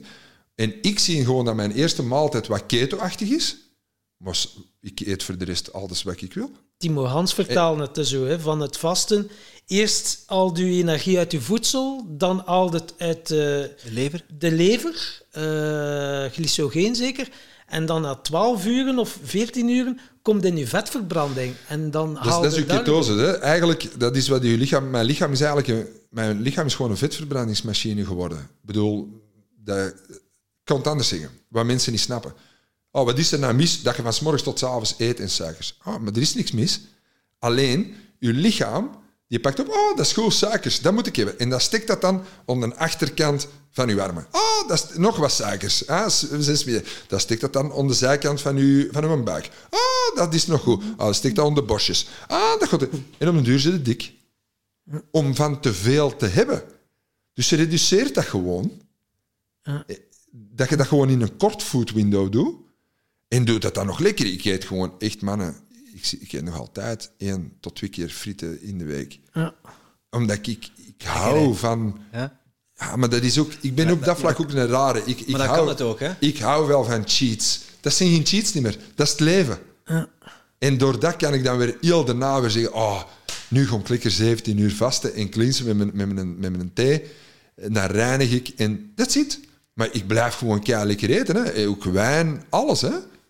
En Maar dan, ik, ik, de eerste keer, ik break mijn fast gewoon op een, op een zo keto-vriendelijke manier. Maar s'avonds of, of in mijn- mijn vier uurtje. Dan heb ik eigenlijk nog maar vier uur dat ik eigenlijk mezelf slechte insulinestoten geef. maar is het dan ook eh, dat je meestal 17 uur, maar hoor je dan ook zijn, het cleansen is dan een volledige dag dat je bijvoorbeeld niet eet? Nee, mijn cleans is... Zie, ik heb, ja, ik heb daarna, na mijn sportcarrière, heb ik echt heb ik horeca-concepten gecreëerd. Heb ik eigenlijk... Ik was een van de eerste met een juicebar. Eh takeaway-zaak. Ik spreek nu over 14 jaar geleden. Toen waren ze me aan uitlachen. Haha, juices. En toen begon ik met cereals. Deed ik zo. En toen deed ik met wild corn sandwiches. Altijd zo een insteek in een takeaway-zaak. En dan daarna deed ik eh, eigenlijk een saladbar, de mint. En dan, wacht, waartoe, waartoe kom ik nou? Ah ja, maar dan heb ik mijn eigen koffie, mijn eigen thee, koffie beginnen branden en dan met thee. Hè. Ik doe heel veel, ik heb iets van een, denk 400 B2B-klanten, zowel in Ibiza als Sergio Herman, als in Nederland, als in België. Dus B2B-klanten en online doe ik dat. Maar ik heb altijd naar thee gekeken naar de health benefits ervan. Vandaag heb je geen iced tea met suiker nog nodig. Van de health benefits. De health Ja, ja. benefits. Als, je een als je eens begint te, thee is te splitsen naar je hebt thee en je hebt jij voordat de microfoons aanstonden, zeg je, ah Peter, ik heb een gemberthee. Dat is geen gemberthee, dat is een gemberinfusie. Kruideninfusie, ja. Als er geen thee van de theeplant in steekt, is het geen thee. Dan is het een infusie. En infusies zijn ook gezond. Dus gember, lemongrass en munt, fantastisch. Dat is een infusie. En dan heb je de zwarte thee, de witte thee, de gele thee en de groene thee. Dat is een ander verhaal. En daar heb je de benefits van EGCG, het, het theeblad op zich. Dat zijn de benefits waar dat eigenlijk de Chinese eh, geneeskunde op, op, op leunt. Dat is daar. Dus ik zag al van heel snel van thee, heb ik altijd alles gedaan. Oké, laat ons eerst even splitsen de infusies. Fruitinfusies. Kinderen, waarom zouden nog een iced tea geven met suiker? Terwijl dat je infusies, pak een, gewoon een warme, wat mensen denken thee, maar dat wil ik niet noemen, een, een infusie met aardbei, berries en appel. Die een appel is gezond zoet. Waarom zouden dan, dat is een appel, waarom zouden dan nog een iced tea geven aan je kind met suiker toegevoegd? Dat is de, je kind vergiftigen. Dat is niet nodig. Even voor de luisteraars, een infusie het klinkt heel ingewikkeld, maar het is gewoon groenten of fruit in water laten weken, zodat de smaken Maar, maar de thee dat ze nu drinken, hè? Ze- het zakje dat ze nu hebben, met, met, met fruit, Met bos, bosbessen, fruit. dan denken ze, dat is met een fruitthee. Maar nee, een thee mogen niet benoemen als er geen theeblad in zit. Dat theeblad zit niet in die fruitinfusie. Dus ja, alles wat je denkt, dat je nu denkt dat fruitthee is, kan vaak gewoon een tea zijn. Hè? En dat is waar, dat- waar dat ik eigenlijk al acht jaar mijn eigen enorm in verdiep en, en, en, en gespecialiseerd in ben. Van, ja, maar ik heb gewoon naar de benefits liggen kijken van ja, berries. Ik heb, ik heb infusies. Dat is dan hè, dat mensen een thee denken, een infusie. Dat je s'avonds drinkt, dat is allemaal alle, alle soorten berries, strawberries, maar alles, hè, blueberries. is weet niet hoe lekker, is ik weet niet hoeveel vol antioxidanten en is gezond. Dus waarom zouden we nog iets anders drinken? Waarom zouden we je kinderen iets anders geven? Dat laat koud worden en je zorgt dat er in die infusie wat een appeltje in zit. Dat is ik weet lekker. Dus, eh, en dat is wat ik eigenlijk wou zeggen tijdens mijn vasten. Hè, want in, in, vasten is vasten. Dus er mag geen, je mocht geen fruitinfusie drinken. Je mocht geen thee, geen gember. Je mocht geen... Het is enkel... Vasten is vasten. Is groene thee. Ik ben dan begonnen met mijn matcha. Zwarte koffie en water. Anders vasten niet. Klaar. Eh, en daar heb ik dan mijn, mijn thee-gamma heb ik echt gezien, alles op basis van EGCG, dus alle dat groen theeblad dat mag. Wat hebben we daarin? En dat mogen we doen. En dan natuurlijk, dan dan, ja, dan, dan, ik heb de L-theaïne in, in, in beeld gebracht, ik heb de chlorofiel in beeld gebracht in de matcha, ik heb de EGCG. Ja, en Er begint iemand zijn oogstjes binnen te fonkelen, toch? Ja. ja, maar dat is fantastisch. Ja. Met een matcha, ik, ik, ik ben zelf naar Japan geweest, eerst op mijn tatoeage. Hè, dus Maar wat is matcha eigenlijk? Ma- Voor de matcha- mensen die het niet kennen. Matcha, dus, hè, mensen kennen als... Matcha is eigenlijk gemalen groene theepoeder. Maar wacht even, mannen.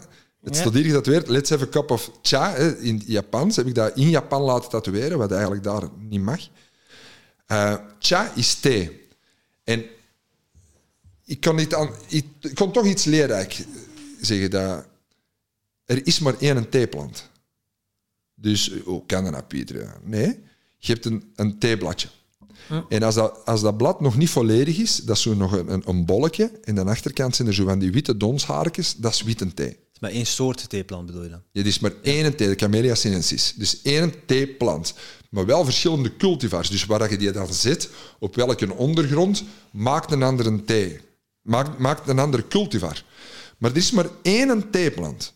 En nu ga ik u uitleggen, ja, maar hoe zwarte thee, witte thee, groene thee. Het is maar één theeplant.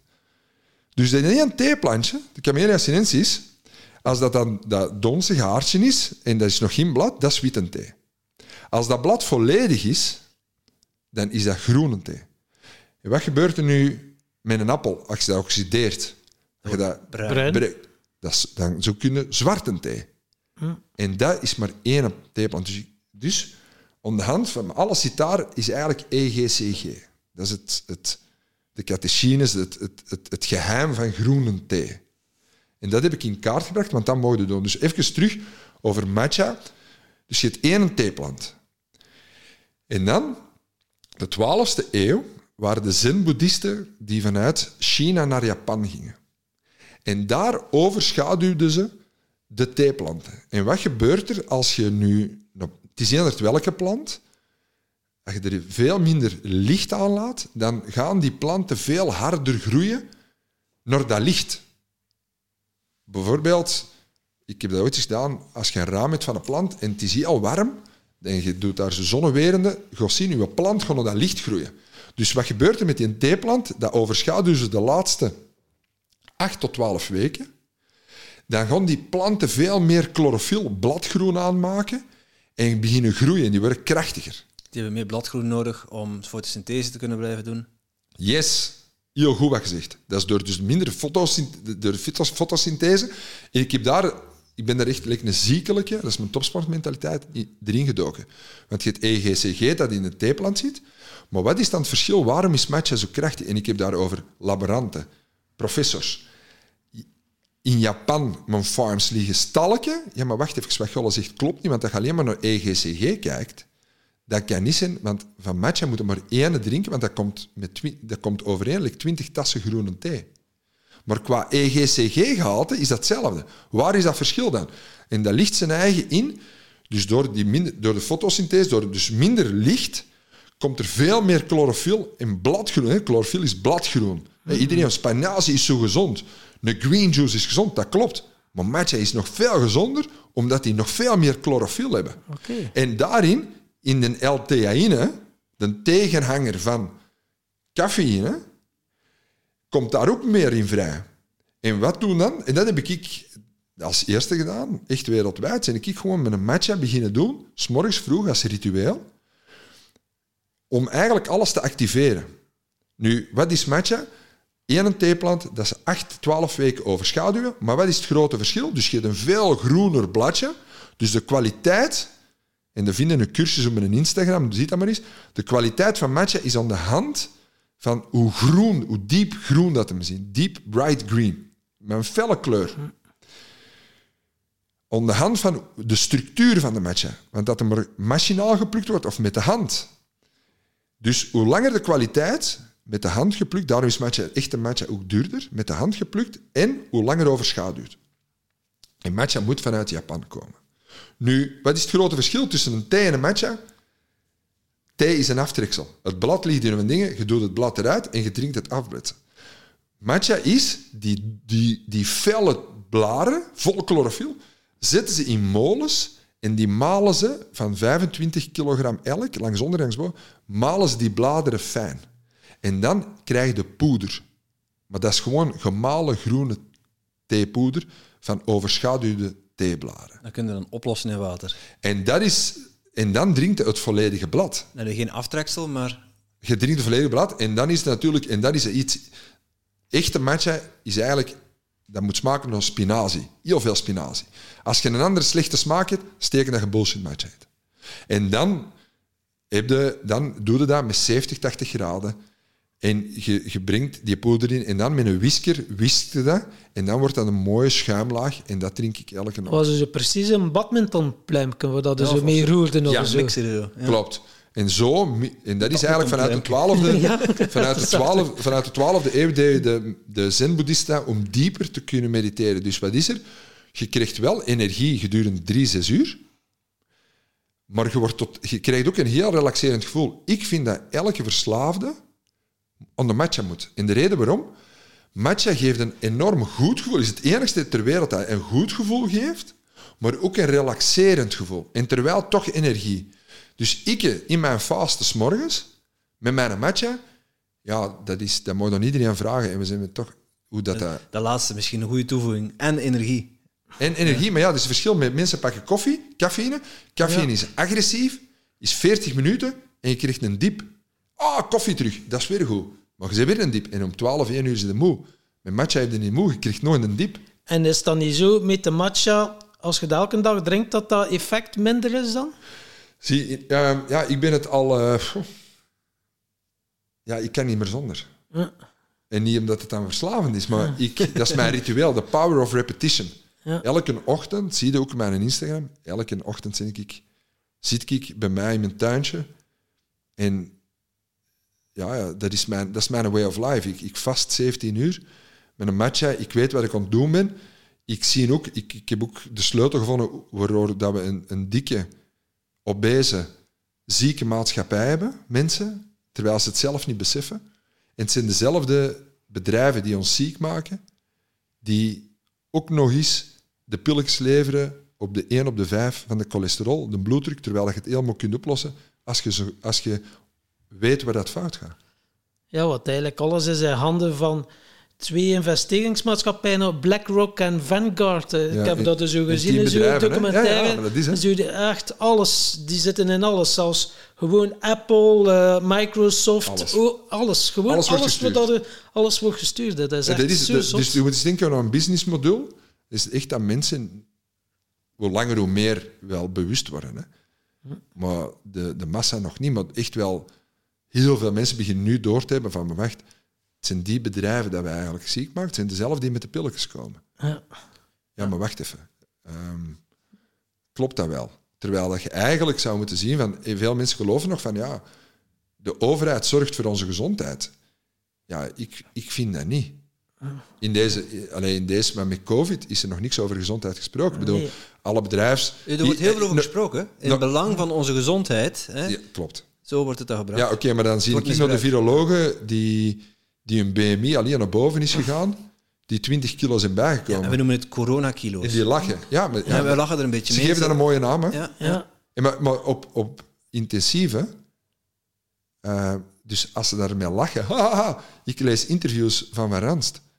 Haha, ik kan niet van de cola blijven. Haha, zijn een Mars, haha, zijn een chocolade. Ja, maar wacht.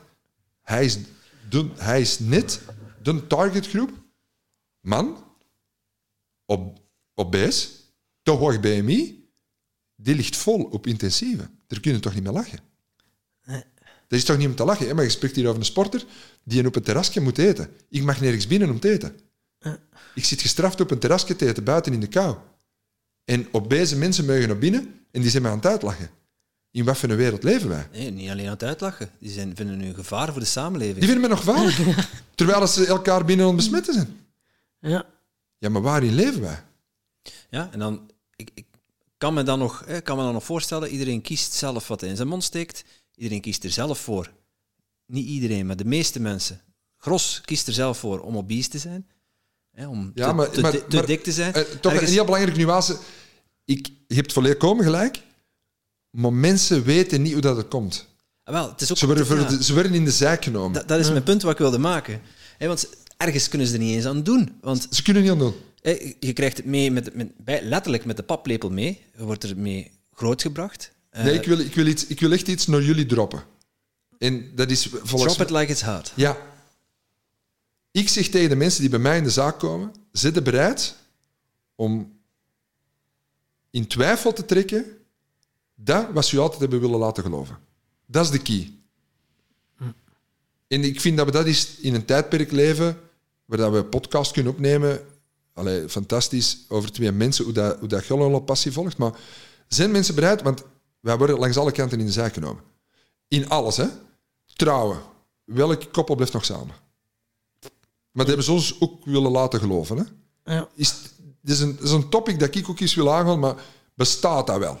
Hè, want wij, wij kijken heel graag naar de moslimgemeenschap. Ja, maar wacht, we moeten niet, moeten niet ene kijken hè, met die een hoofddoek en alles. Want onze grootouders, eh, als die patatten, de vrouw die binnen zijn huiskamer zat, als die patatten niet gaar waren, dan werd die vaak nog afgerosseld, omdat de patatten niet gaar waren. Wij hebben ook geen mooie historie. Alles En als de vrouw nu gelijk komt met de man, ja, maar wat is dan de natuur? Hoe zit dat nu juist? Dus één dat. Maar wilde geloven dat als ze altijd atleten, en ik heb er ook eigenlijk om meegedaan zonder dat ik het wist, laten we zeggen, je moet 's morgens cornflakes pakken met suikers om te presteren. Ja, maar dat is niet waar. Ja, maar de studies vandaag van elke voedingsdeskundige is vandaag nog niet juist, want die zeggen dat ontbijt uw belangrijkste ontbijt is. Uw belangrijkste gericht is. Terwijl de autofagie, het gevolg van als je in ketose gaat, als je lichaam je energie uit je vetten haalt, de Japanse celbioloog zeven jaar geleden de Nobelprijs van de gezondheid heeft gewonnen door te zeggen, als je dagen niet eet, gaat je lichaam, eigenlijk kan je lichaam zelf kankers genezen. De Nobelprijs van de gezondheid. Japanse celbioloog, google het mensen, autofagie. Als je dat doorhebt, dan, mogen, dan mag iedereen eens met hun boeken voor te zeggen dat we van 's morgens tot 's avonds moeten eten, met een processed food verhaal, dat is niet meer te verklaren. Nee. Maar ja, mensen kiezen dan voor het gemak. Ja. En ja, het is veel gemakkelijker om eh, een pizza te bestellen of kant-en-klare voeding te doen dan gezond te eten. Maar, maar vroeger, vroeger gingen we jagen en dan zagen we alleen maar scherpe mensen, tarzans. Ja. En nu zitten we allemaal in de zetels en zijn we allemaal dik. Ja. We zijn- en dan, dan moeten we eigenlijk al niet meer achter ons eten gaan. Dus Koopjes jagen, hè? Ja, maar ik zit... Want weet je, weet je wat de fout is? Ik zit, ik zit ook nog altijd een pizza te eten. Ik ben zot van pizza, ik ben zot van pasta, ik ben zot van frieten. Ik, zot, ik eet nog allemaal.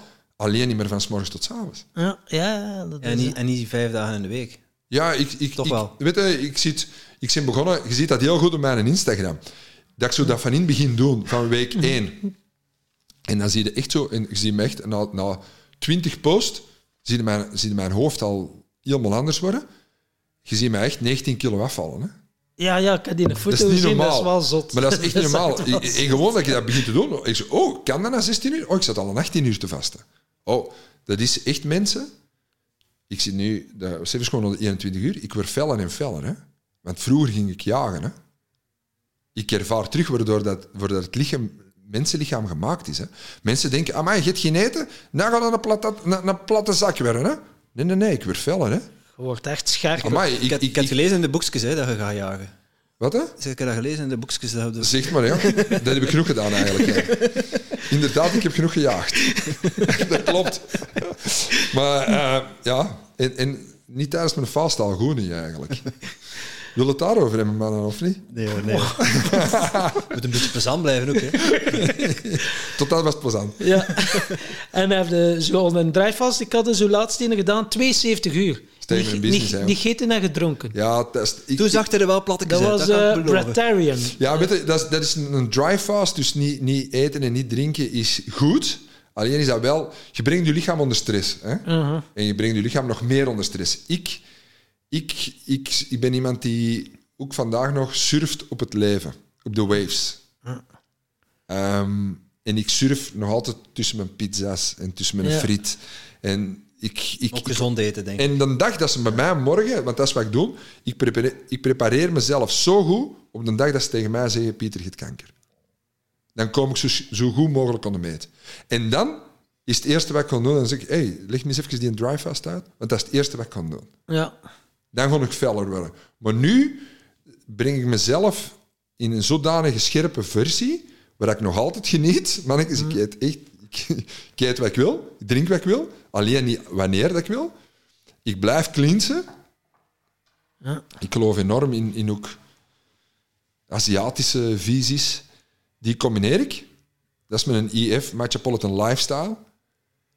En de dag dat, dat ze wel gewoon zeggen van... Metropolitan. Ja, dat is, dat is echt... Matcha heb ik geïntegreerd in een metropolitan lifestyle. Zalig. Ja. Ja, dat is mijn moment. Mijn, eh, mensen doen heel veel meditatie, maar eigenlijk mijn matcha is mijn meditatie, waar ik mijn...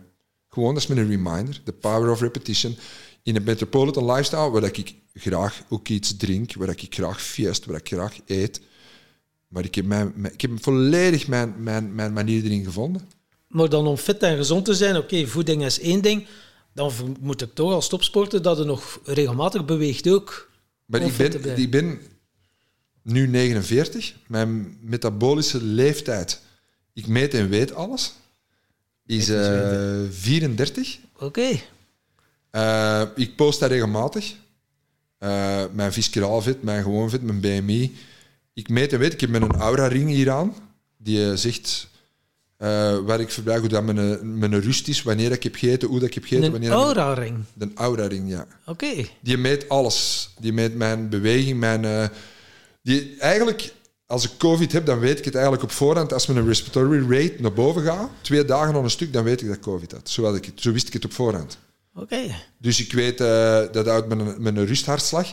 Dat is ook de reden waarom ik zo'n schrik heb van, eh, van, die, van dat vaccin. Hè. Mijn rusthartslag, dat gaat soms nog 36 als ik slaap. En ik heb een groot sporthart. extreem laag, hè. Ja, ik- dus altijd zit ik 39, 40, maar als ik echt... Dat je topsporter bent geweest. Ik heb een groot sporthart. Mijn ouders zitten alle twee aan de bloedverdunners. En als je dan nu, eh, bedoel, wie dat daar nu nog rondgaat over de, over de hartproblemen na een vaccin, ja, die is, die is helemaal blind en doof. Doofstom. Kan niet anders. Met alle respect naar die mensen, maar dan, er, er is, er, dat is gewoon een van de mogelijke bijwerkingen. Dat op de bijsluiter ook staat. Niemand leest een bijsluiter van het vaccin. Dat geeft een tijd ook niet, want ze verplichten het toe, zo goed als. Maar ik heb dat is een hemelse schrik dat ik met mijn hart... Ik ken, ik ken basketters die een hartspierontsteking hebben gehad hè, na de vaccin. Ja, ja. het Dus dat is een hemelse schrik dat ik heb. Hè. Dus ik probeer de beste en de gezondste versie. Ervan. Eido zei dat ook zo van, oké, het leven wordt niet gerekend in jaren, maar in het aantal hartslagen, uw leven. En hoe minder snel dat je hart klopt, hoe langer Ja, dat je leeft uiteindelijk. eh. Oei, neem ik een korter leven. Nee, een langer leven. Dat weet ik eigenlijk niet, want ik, mijn hart is al, heeft al wel heel veel geslagen. Hè. Ja, maar het, gaat- het ging niet over, over die intensieve pieken als je aan het sporten bent. Het ging er juist over als je het aantal hartslagen Ja. wat je doet in rust. Ah, zo. Ja, ja, in rust. Want Ja, ja, en dan, eigenlijk, dan komt het weer terug. De natuur is iets mooi, hè. Komt ja, alles weer terug in want je hartspier eh, wordt eigenlijk, eh hoe je het uit? Ah ja, maar het is, het is net door die pieken Ja. dat je eigenlijk weer een, een, een rustiger Ja. allee, sportarts gaat krijgen. Ik vind dat ook wel een mooie. Dat, die, had ik, die had ik van in het begin ook gepost. De natuur wint altijd. Ja. Alles ook in, in dat eetpatronen. Maar als je terug naar de natuur gaat, mensen, dan kom je altijd tot de oplossingen. Als we de wereld blijven verzieken, dan gaat hem kapot. En ik geloof één ding. Hij gaat kapot. Ik weet één ding. Ja, maar de aarde gaat niet kapot. Wij gaan Dat is kapot. iets anders. Ja. Wij gaan kapot. Ik weet zeker dat de, de, de natuur overwint. Altijd. Ja. Je kunt hem niet slimmer af zijn. We gaan, eh, we gaan het nog eens proberen op Mars, om daar... eh, Ja, maar... Ja, en, en, en de elite gaat dan naar daar. Er is een goede film over. Hè. Dat is zo... En dan, dan hier, dus hier laten ze dan... Dan komen we eigenlijk in een soort favelas vol met, met virussen. Ons laten ze dan achter. Zij die bepalen wat we doen, die zitten boven. ja, maar nee. What the fuck, waar zitten wij in verzeild geraakt? Ja, The Matrix, welcome. Hey. Ja, iedereen kan er zelf iets aan doen. Eh, jij predikt het, de Metropolitan lifestyle. Ehm, maar je kunt mij niet vertellen dat je zo'n lichaam krijgt van alleen maar thee te drinken en niet meer te eten. Nee, maar daar hebben we er juist ook gehad dat ik 15 jaar profsport heb geweest, natuurlijk. Ik heb, eh, maar ik kan, ik heb mijn knie, eh, zou nu al, sinds 13 jaar zou ik eigenlijk al een prothese moeten hebben. Mijn, mijn kraakbeen is weg, mijn twee meniscussen zijn weg, er zitten zelfs kisten op mijn meniscussen. En ik heb 5 van de 6 graad kraaksbeen, kraakbeenletsel. Dus, en ik, ik versteef mijn benen zo met wat oefeningen, met, met, met mijn resistance bands en gewoon functioneel trainen. Maar ik kan geen cardio doen. Ik kan echt niet meer zwaar trainen, dat gaat niet. Dus de dag dat ik, dat ik nu zo scherp, ik sta scherper dan dat ik ooit heb gebasket, komt puur omdat ik weet waar dat verkeerd is gegaan. Maar niet door, ik vind dat zo oldschool, mensen dat nu nog cardio gaan doen, lopen en fietsen om af te vallen. Dat is bullshit. Pak je probleem aan en, en je eet nog altijd wat je wilt en je blijft slank. En je moet niet meer in een gym en je kunt naar een gym, naar een functioneel trainer gaan. Je kunt zeggen van, ah, weet je, je moet niet gaan trainen om af te vallen. Je, kunt, je doet twee dingen en je ziet dat resultaat aan je lichaam. Omdat je veel scherper staat en functioneler. Dus ik draag ook 19 kilo minder belast mee op mijn knieën. En ik heb nog altijd geen prothese nodig. Ja. Maar ik heb inderdaad wel een, een topsportverleden. Hè. Maar ik zit niet elke dag in een gym. hè. Ik mag ook geen gym binnen. binnen, binnen. Je mag niet meer, je hebt geen QR-code. Ja, mag niet. Ja, kan niet. Stel je voor dat je gezond zou blijven. Ja, ja. Ja. Zo. Ja, ja, bedoel, waar zitten we in? Hè? uw het is- matcha is uh, uw mediteren en hoe zit het verder met de spiritualiteit? Zijn jij zo iemand dat spiritueel en energetisch eh, kijkt? Laat me komen, jongen. Ik leef, ik leef erop. Maar wel op een, ook weer de, de, de, de visie van mezelf uit. Ik vind egoïsme een heel mooi woord. Mijn lichaam, hier is rechts, ik heb heel veel tatoeages. Links is 1 plus 1 is 11.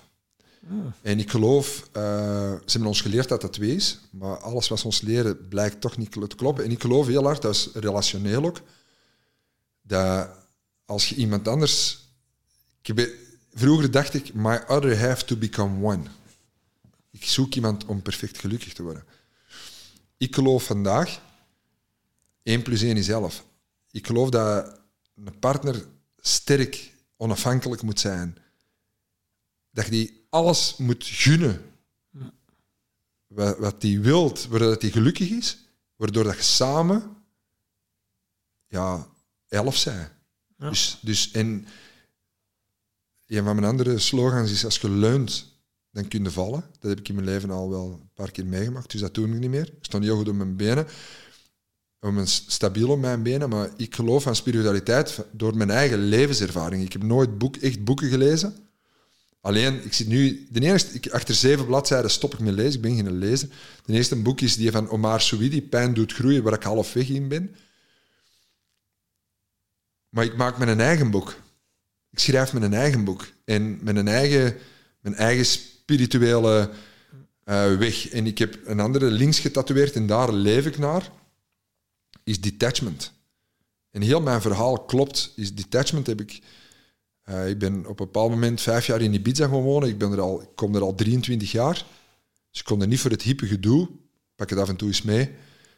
Ehm, maar ik ben naar daar gegaan eigenlijk op een bepaald moment in mijn leven en dan heb ik terug die vingers naar boven gehaald. In plaats van te wijzen naar relaties, waarom het altijd fout liep door, door haar en door dit Schuld, en door dit. ja. Terug naar mezelf te kijken. Ja, maar Pieter, ja, dat kitwijf en dit, ja. Maar Pieter, maar jij wordt wel met dat kitwijf. Stop het eens. Ja, maar die kreeg het niet geregeld. Ja, maar die kreeg het in het begin ook al niet geregeld. Maar jij voelde nu eigen een held doordat je kon helpen. En dan heel hard naar mezelf te kijken van... Terug, like een topsporter te zeggen, maar oké, dan moet je niet met iemand... In, of dan in leren terug. En ik ben terug beginnen voelen. En dus er staat op een links, detachment. Ik laat alles in het leven los wat negatieve energie is, geeft. Dat is heel makkelijk, is gewoon voelen. En er staat op mijn duim hier een hart, hartje. Ik pak alleen nog alles aan wat mijn volle emotie heeft. Dus ik doe niks wat ik niet leuk vind. En ik doe dat alleen maar wat ik leuk vind.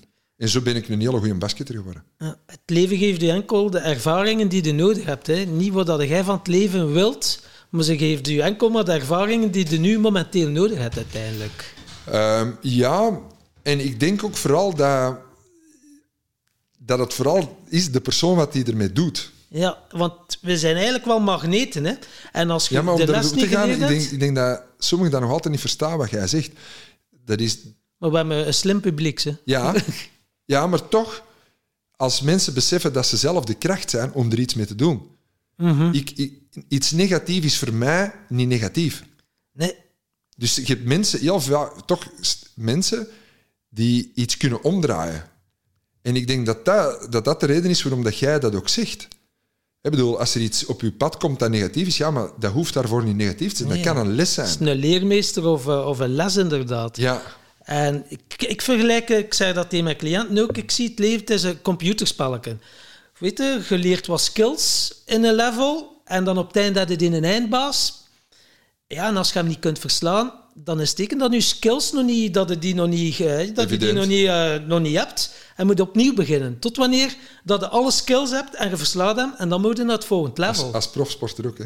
Ja, uiteindelijk wel. Ja. Snap je? Dus dat, bij mij is dat evident. Bij mij is het nog harder dat ook naar de maatschappij. Ja, als ik won, dan had ik een bonus. Als ik Ja. niet won, dan had ik zelfs geen bonus. Ja, ja. Heel vaak ben ik in de maatschappij gekomen dat mensen gewoon werken tegen hun goesting en alleen maar voor het geld. En dan nog liefst maar nou thuis zitten en hetzelfde geld krijgen. Ja, maar wacht, ik heb hier mijn leven eigenlijk. Ik had een- mijn eerste contract kon ik in Oostende tekenen, drie jaar, met een, eh, een, een, een, een Seaview eh, appartement met een auto, drie jaar. En, en dan ging ik me nou elk jaar kampioen spelen. En ik koos eigenlijk voor het failliete Aalst. Oké. Maar dat geen auto had, geen appartement. Maar wel carnaval. Ja.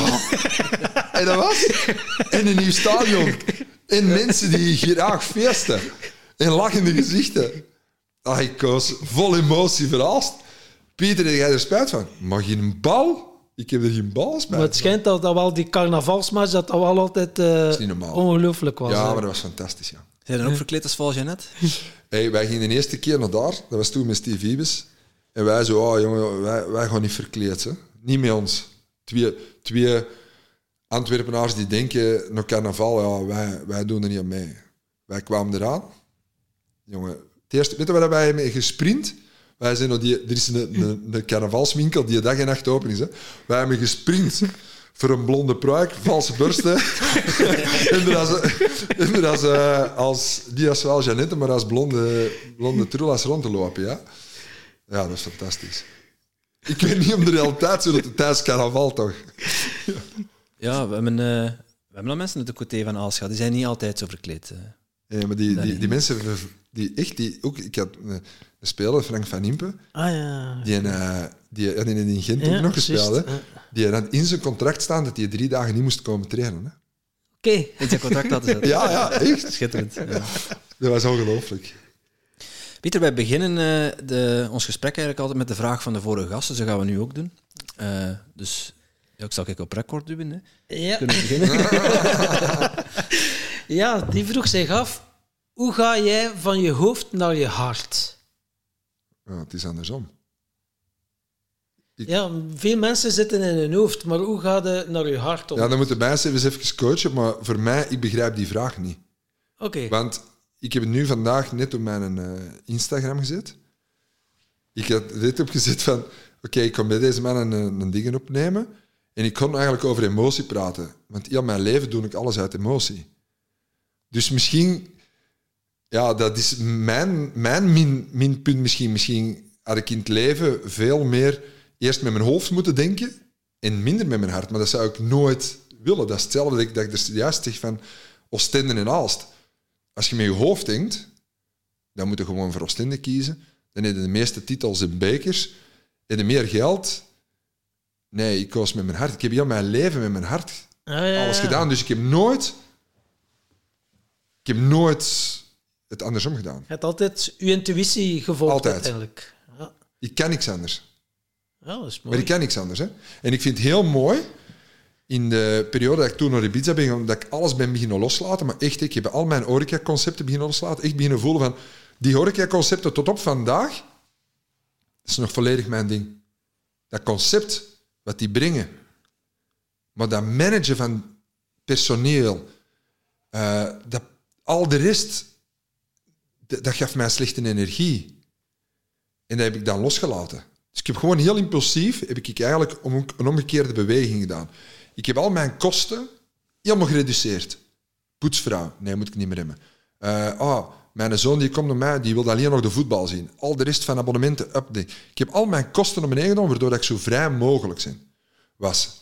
En alles beginnen loslaten, detachen. En ik heb vijf, vijf, zes jaar met een Fiat Scudo gereden. Gewoon, ik was gewoon kei happy. En we leven vandaag in een tijd dat mensen daar ook terug naartoe gaan. Voor te zeggen, als ze ons nu alles afpakken, moeten ze denken, gaan wij dan eigenlijk ongelukkiger worden? Eigenlijk het principe minimalisme. Ja. Zo echt wel Ja. eh, beginnen ben toepassen. Ja, en daar ben ik eigenlijk heel... ehm en daar behoed ik mij constant voor. Ook al gaan mijn zaken beter of, of whatever. En dat is heel mooi door die filosofie te hebben in mijn leven, wat ik altijd doe. Hè. Ik bedoel, als het niet tof is, mannen, dan meen ik echt, dan ga ik op een hele beleefde manier ga ik dat snel afronden. Vind ik het tof, dan blijf ik. Eh, ik vecht ook niet meer, dat is negatieve energie. Ehm, maar als je zo kijkt en je blijft heel trouw, en dan heel veel mensen durven, willen niets loslaten. Detachment. Maar heel veel mensen durven dat niet, omdat ze schrik hebben van de pijn van het onbekende. In relaties of een werk. Ah nee, ja, ik moet eerst een andere relatie hebben, want anders, heel veel in relaties, als de partner breekt, acht van de tien hebben ze iemand anders. Of toch een oogstje op. Want dan hebben ze de pijn van het onbekende niet. Terwijl als je gewoon zegt van, ja, het marcheert niet meer, je stopt en je hebt geen angst van het onbekende, dat is rijkdom. Ja, want veel mensen, dat is nu... En dan komt waanzinnige energie naar u. Want dat is dus zo het woordje loslaten. Tegenwoordig hoorde niet anders. Maar ik zeg ook tegen de mensen, je moet eerst iets toelaten vooraleer dat het kunt loslaten. Want als jij die pijn eerst niet gaat toelaten, kun je dat niet. Dan Ja. zal die pijn u wel vanzelf loslaten. Ja, maar er is nog, er is nog een pijn daarna ook, hè, in veel mensen. Hè. Allee, veel mensen zitten samen gezellig op de bank. Als je iemand moet loslaten, dat je eigenlijk weet dat het niet werkt, ja, maar wat, ga je dan alleen op de bank zitten? He- Heel simpel weg. En dan gaat het, er komt nog daarna een pijn. Hè? Of dat je zegt van, en dat is toch wat, wat in mijn leven heel evident is, als ik iets met mijn volledige hart doe, ja, dan komt altijd alles goed. Want dan, als je het echt met je hart doet, dan gaat het ook goed doen. En iedereen gaat daar, dan gaat, dan gaat de soulmates tegenkomen. Ja, maar je moet ook wel, je moet wel bereid zijn om afscheid te nemen van eh, ja, je comfortzone. Hè. Van de vrienden misschien die je nu hebt. Klopt. Want die ga je straks misschien niet meer hebben. Als je radicale keuze Maar is het dan een verlies? Op dat moment wel. Allee, een voorbeeld. Ja, op, op dat moment wel, maar zeg maar op de lange termijn voor u Maar ik vind dat niet. Veel mensen blijven dan eigenlijk, zegen, nog, eigenlijk, veel mensen ja. blijven dan eigenlijk nog in een soort discussie. Voor te zeggen van... ehm, eh, ja, zie, die blijven nog eigenlijk liever ruzie maken met die vriend om hem niet te verliezen. Terwijl eigenlijk is die misschien... Ja, dat, dat, dat zorgt misschien voor veel meer negatieve energie dan goede energie. Dan moet je ook eerlijk zijn naar je eigen. Ja. En dan is dat wel de juiste vriend. Maar Dat voelt aan als verlies. Maar het is eigenlijk pure winst. Ja. Dat bedoel ik. Ja. En de ja, twee partijen zijn misschien gelukkiger. Maar daarom, als je echt zegt van, maar eigenlijk vind ik het niet leuk om naar daar te gaan, ja, dan moet het niet gaan. Is dat dan egoïstisch? Ja, maar het is andersom. Als je blijft gaan, dan word jij geen tof persoon. Ja. Dus dat is eigenlijk heel, heel simpel en heel logisch. Ja, het is, het En ik dat in, simpel. ik trek dat in alles door. Hè? Maar hoe, hoe ga je er dan, zeg je dat, hoe ga je er dan om met je direct omgeven? Hè? Ik hoor mensen zeggen, ja, eh, afscheid nemen van een toxische relatie, oké, dat lukt mij nog, maar ja, ik moet mijn ouders toch niet in de steek laten. Hè? De mensen die, die goed willen doen voor hun, voor hun ouders, voor hun kinderen. Ik, ehm, dat is een heel goede vraag, omdat je nog altijd ehm, de kind van je ouders bent. En ik heb het geluk gehad om fantastische ouders te hebben. Hoe, hoe anders dat ze uit elkaar waren, eh, anders, hoe, hoe, anders ze waren, hoe dat ze ook uit, ik- uit elkaar zijn gegaan op mijn zeven jaar. Ik heb twee fantastische ouders gehad. Ehm, maar ook daar ik, is er geen reden, bijvoorbeeld, op welke manier, eh, child abuse, op welke manier, tot wat kun je iets toelaten? Dat is heel vaak. Hè. Vaak moet het niet afgerammeld worden, om, dat is mishandeling, maar vaak het vernederen, het klein houden, iets zeggen dat je iets niet kunt, dan vind ik dat een kind ook het recht mag hebben om te zeggen, maar wacht, jij mag dat niet zeggen tegen mij. Eh, je mocht niet tegen mij iets zeggen dat iets niet kan. Het is, er is wel een verschil in iets behoeden vanuit ervaring. Maar ik vind ook daar dat je van wel vanaf, vanaf een bepaalde leeftijd echt gerust op je strepen en op je gevoel moet staan zelfs. Vind ik wel. En vanaf wanneer, kun je ook niet loskoppelen. vanaf wanneer zou iemand daartoe in staat moeten zijn? Want eh, je kunt zeggen, vanaf 12 jaar eh, heb je het verstand om weerwoord te bieden aan je ouders. Dan weet je, sommigen weten dan al meer dan ouders. Anderen zijn eh, ja, in de 20, eind de 20 en weten het nog altijd niet. Goeie vraag. Terwijl ik het aan het zeggen was, was ik ook aan het denken, maar vanaf wanneer is dat dan? Eh, en ik denk dat dat eigenlijk gekoppeld ook gaat aan levenservaringen van die jongeren, bijvoorbeeld. Maar laat ons dan over een semi-volwassen wereld spreken. Is het heel simpel. Hè? Als iets negatieve energie geeft, mensen, stap er van weg. Vecht er niet tegen zelfs. Hè? Stap er gewoon van weg. En dat wordt, dat, dat wordt ons niet geleerd. Er wordt ons ook niet in de scholen geleerd om te voelen. Echt niet. De wereld zou helemaal er anders uitzien. Moesten wij leren voelen. Moesten wij echt... En ik heb die luxe gehad om graag te basketten vanuit mijn volledige emotie en daardoor beloond te worden. Maar ik, ik weet echt dat als mensen hun passie zouden volgen en dat delen op de social media, wat zijn met mensen? Uw leven wordt zo rijk. Ja, dan hoor ik mensen zeggen, je passie volgen, ja. Hè, jij had dan het geluk, je was opgegroeid in een basketbalfamilie en eh je had al snel door dat dat je passie was, maar weet je, ik ben eh 45 jaar en ik weet nog altijd niet wat mijn passie is. Dus ik zeg tegen u net dat jongeren niet leren voelen. Als je, niet, als je dat niet voelt, dan ofwel zijn je gevoelloos, wat kan zijn, misschien door ook een slechte thuissituatie. Mensen moeten leren voelen. Ik vind ook dat dat systeem volledig fout in elkaar steekt. Hoe kan nu, ik heb dat gezien met mijn zoon, hoe kun je nu op 12 jaar weten wat je later wilt worden? Wat voor een bullshit is dat nu? Nog straffer, vandaag, hoe, hoe snel dat de wereld evolueert marketing, zij dat worden afgestudeerd, die daar afgestudeerd zijn, ja, het, zijn, het is andersom. Hè. Het zijn mensen die impulsief met, met, met social media begonnen zijn, die nu beslissen en gevraagd worden door de grote merken. Alles wat draait om. Dus ja, misschien wordt het ook wel eens tijd om daar toch eens op een emotionele manier naar te kijken van hoe moeten wij onze jongeren een, een basis, een heel goede basis opvoeding in, in, in scholen geven, waardoor dat ze op een bepaalde leeftijd kunnen specialiseren. Dat zou ik wel... Ik, ik denk dat wij tegenwoordig, dat de leerkrachten heel veel van de, op bijvoorbeeld op social media, hè, of op heel veel van de jongeren kunnen leren. Ik denk dat die nog altijd vastgeroest zitten. Ik heb altijd tussen jongeren gezeten. Wij kunnen zoveel leren van jongeren. In een tijd, ah, hey, nog niet lang geleden, ah, dat internet en die social media slecht. Dat is bullshit. Mijn zoon die gaf naar zijn vrienden, hè, hoeveel dat hij onder post hartjes zitten en hey, love you brother en dit en dat. Jongen, er was veel meer liefde dan in de tijd dat wij jonger waren. Hè.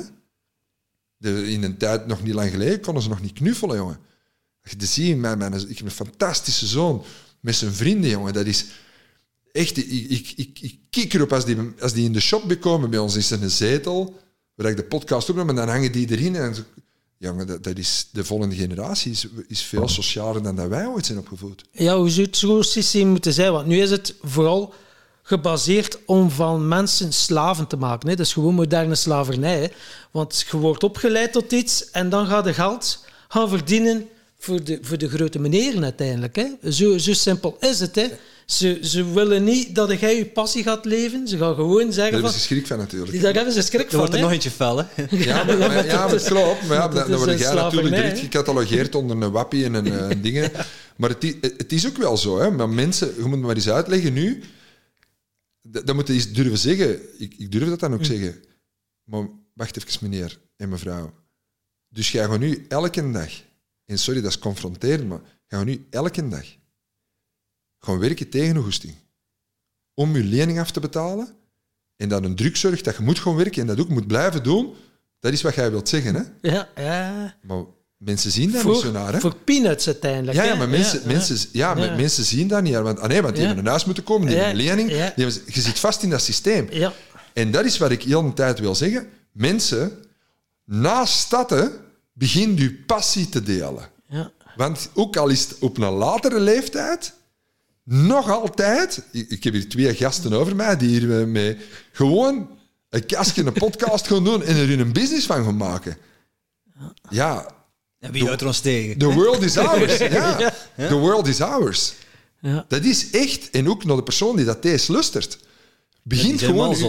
Hè, maar begint Ja. dingen, begint uw, uw ding ernaast gewoon nog meer te, te, te outen. En je gaat ook je soulmates tegenkomen, gaat er een business van kunnen maken. En behoed u dan ook dat je weer niet in dat systeem komt. En dat is iets echt wel wat, wat ik wel doe. Ik wil niet te veel groeien. Ik heb kansen gehad om mijn merk neer te zetten in Dubai, Abu Dhabi. In, ik doe dat niet meer. Ah, ik, wou- ik dacht dat je wat zei. Ja, ik ben gestopt aan twee meter aan één.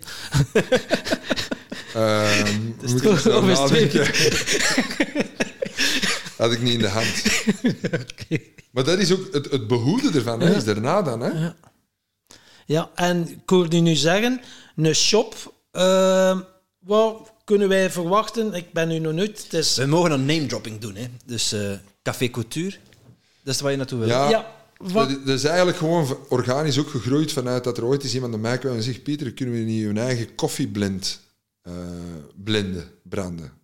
Omdat ik dan drie, vier horecazaken had. Ik zeg: Oh ja, dat vind ik wel tof. En toen kwamen er eh, Pepe van La Botte, de, de, van Jam TV, de, de Italiaanse chef. Oh, Pieter. En die kwam dan in een thee en dat was mijn eerste horeca-klant. En, en zo, en dan werkte ik met losse thee, maar ik, en ik, ging wel voor kwaliteit. En zo is eigenlijk Café ge- ontstaan vanuit mijn horecazaken, dat ik eigenlijk andere dingen wou doen. Ehm, met het loslaten van mijn horecazaken heb ik altijd wel... Ik, ik voel een ongelooflijke passie voor koffie, thee en matcha. En, en wat je ermee kunt doen, dat is echt... En dat is café couture. Vroeger pimpte ik ook eh, koffie. Ja, ik, ik zie nooit iets graag naar de traditionele manier. En eh, ik heb nu toch ja, heel veel B2B-klanten in België, Ibiza, Nederland, ehm, in Frankrijk. En ik heb een, een, een, een goed draaiende webshop, waar ik in een Nederlandse firma heb waar dat alles gebeurt. En dan heb- werk ik eigenlijk alleen maar samen met mijn zoon. Ik wil niet groter niet meer worden. Oké. Dus met mijn zoon en ik. En als dan dingen is... Ja, zoals ik zeg, ik kon, ik kon in, in Dubai en Abu Dhabi en, en ik kon het Emirates ID krijgen. En dit, ik heb gezegd, nee, ik wil elke dag met mijn zoon contact zijn. Ik wil dit doen. Dat is rijkdom. Dus eigenlijk, mensen kunnen naar Ginder komen om iets te gaan drinken. Dus mijn shop, mijn zoon staat er altijd. Dat is in de stad, hè? in Antwerpen is daar een zijstraat van het Schipperskwartier. Dus je kunt mannen, je kunt verloren lopen. Beste excuus voor alle mannen. Komt gewoon bij ons iets kopen, je kunt met een tasje en je kunt gewoon in het Schipperskwartier uren rondlopen. Uh, maar zijstraat Schipperskwartier, in een, in een mooi, in, in, in, een, in een locatie, dat is, dat is niet de tofste buurt, hè, helemaal niet. Hè. Uh, maar als je daar binnenkomt, gaat echt die, dat gevoel, ja, 200 vierkante meter, maar je ziet 130 vierkante meter in een hoge plafond. En gewoon dat wat wij doen. Wij werken met heel veel topsporters. Met, ik heb die match in vegan capsules laten doen. Ik heb ondertussen ook vanuit een laborant nutritions voor mijn levensstijl, of een keto of een fasting leefstijl. Ehm, en er zie je ook met alle topsporters dat er hangen van Barcelona, van Thomas Vermaal of de Dries Mertens of in alle sporters dat dat doen. Sergio zijn- zijn- vest hangt er dan ook. En daar kunnen dan alle zien, ook waar mijn podcast wordt opgenomen, maar daar zie je alle thee, alle matcha, alle koffie zien, alle keto-spullen, keto, granola, MCT-olie. En dat is een shopje puur voor mijn zoon. Oké. Allee, dat is eigenlijk samen met mijn zoon. Ja. En ik doe dat omdat, ja, dat is mijn rijkdom. Wij, wij, meestal zaterdag van 11 tot 6 en anders is dat van 12 tot 6. Ja, mannen, en om, om, om, 12 om 10 uur zitten wij vaak gewoon een koffie te drinken. In mijn concept dat ik gecreëerd heb 14 jaar geleden, zit ik hier met mijn zoon morgens een koffie te drinken. Zitten wij te lullen, zitten wij te knuffelen, zitten wij ja, te battelen. Dat is mijn rijkdom. Wauw. En, en terwijl heb ik een firma in, allee, in Nederland dat al de online dingen verwerkt. En ik zeg nu mijn zoon en ik. En daar rond creëer ik een team. En ik wil het ook, en dat weten ze ook. Nu heb ik net iemand aangenomen dat met mijn zoon ehm, in het lager zat, daarna marketing heeft gestudeerd, die dan toch niet echt werk vond. Ik zeg, oké, die pakken. Ook weer organisch. Ik heb iemand die dat in bijberoep... eh, service staat voor mij op nummer 1 in kwaliteit. Eerst kwaliteit, dan service. Tot eigenlijk gelijk. En heel mijn team, ook mijn social media, wordt altijd van Café Cultuur wordt, echt, wordt altijd geantwoord, wordt echt enorm opgevolgd. Eh en dat team creëer ik met iemand in Nederland. Dus wij zijn nu met ongeveer een vijf, allee, tw- drie vaste, vier vaste, eh, verdeeld over twee landen. En dan mensen los er rond. Maar ik wil niet meer groeien, echt niet. Ja. Voor Ik wil wel dat... mensen helpen. En mijn dingen groeit omdat wij mensen helpen. Bijvoorbeeld, mijn piramides, theezakjes, dat is bij mij al twee, drie jaar biologisch afbreekbaar. Ik, ik, ja, ik kijk altijd naar hoe duurzaam en ook weer op pure basis van emoties. Hè. Packaging gebeurt ook. Ik betrek ook heel vaak mensen met een mentale beperking. Oké. Ehm, omdat dat mij goede energie geeft. In de plaats van als ik iemand moet te werk stellen. Ik heb ooit eens een afwasser gehad, die is zeven jaar thuis gebleven. Met zogezegd een rugprobleem. Die is een was het afdreigen van 12 jaar en alles. Daar heb ik geen zin meer in. Ik wil eigenlijk liefst zo weinig mogelijk personeel. Sorry, ik ben daar eerlijk in. Ja. Ik vind dat mensen iets vanuit een passie moeten doen. Willen mensen iets samenwerken? 1 plus 1 is 11. Graag. Ja. Heel graag. Maar ik behoed mij ook om terug niet in hetzelfde te komen waar ik naar Ibiza ben gevlucht, om te detachen, om los te laten. En eh, nu zijn je perfect gelukkig. En heb jij nog dromen of heb je zoiets van, ik al alles bereikt? Nu. Heel goede vraag. Is perfect gelukkig? Dat is ook de vraag van ben ik perfect gelukkig? Ja, ik, Tom, ben, zegt, Tom zegt van wel. ik ben heel gelukkig. Ja. Ik ben heel gelukkig. Ik heb, ik ben, ik heb het wel heel moeilijk dat, met de situatie waar dat we tijdens COVID in zitten. Hm. Ik heb daar heel moeilijk mee. Ik, als ik iets niet versta, is het heb ik het heel moeilijk om, om in een rij te gaan staan dat ik niet verstaan. Daar heb ik het heel moeilijk mee. Zeker tegen mijn normen en tegen mijn waarden. Ehm, heb ik, ik, ben, ehm, ik ben heel gelukkig. Ik ben, heb ik veel dromen. Ik heb nog wel een, ik zit wat met een concept bezig dat ik in Italië wil doen. Vinden ze ook op mijn Instagram terug.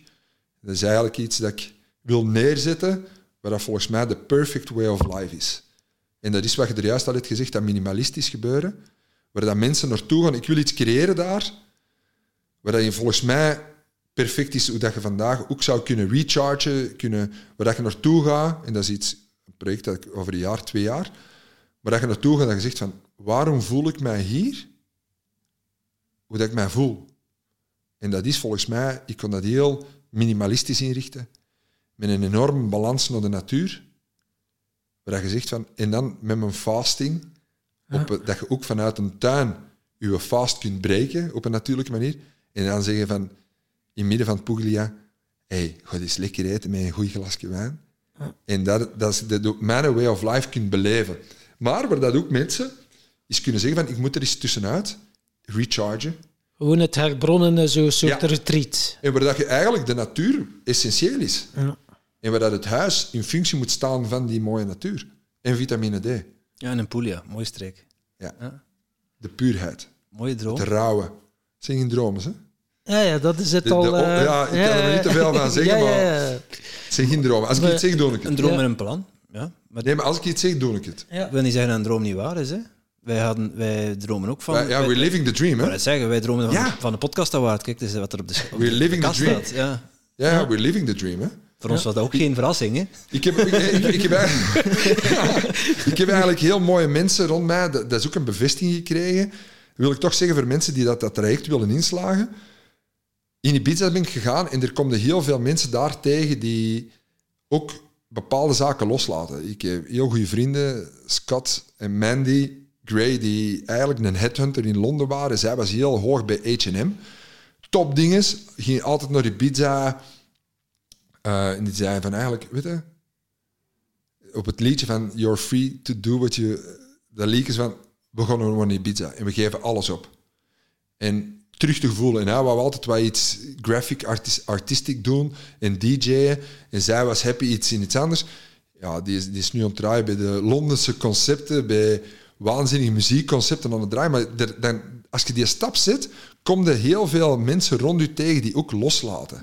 En dan zie je van, fuck, dat is waar. Als je durft loslaten, kun je heel veel dingen bereiken. Dus uit in een red race stappen dat je weer kunt gaan en, creëren. En dan komen er ook mensen tegen en dan zie je echt van... Ik herinner mij dat ik gesprekken had in Ibiza en ik vloog altijd over en het weer. En Scott zei, ah Pieter, ik kan nu dat doen. En het is, ja weet je, ik, ik, volgend jaar draai ik daar op dat. En ik zat met hem toen nog in Las Dalias, in de hippiemarkt, was die ernaast stond draaien met zijn muziek. Echt, en ik zat er te eten en ik zo, ah ja...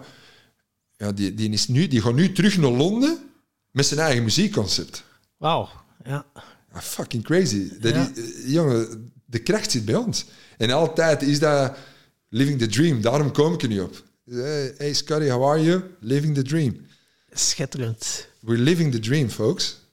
En dat is vol terug. En dan, ik, ik, ik leef, beleef mijn droom eigenlijk. Dat is, klinkt precies wat pretentieus, maar en dan vraag je aan mij, heel vaak, zit ik ook in Amsterdam, en dan zeg ik heel vaak zo, Amsterdam is zo, toch ook, ook wel wat patserig. En dan zeg ik, wat is, wat is uw dro- droomauto, gasten?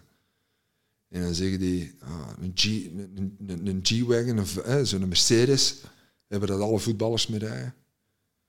Dus ik, ja, ik zeg, waanzinnig. Ik geil op mijn Volvo. Ik. Ja.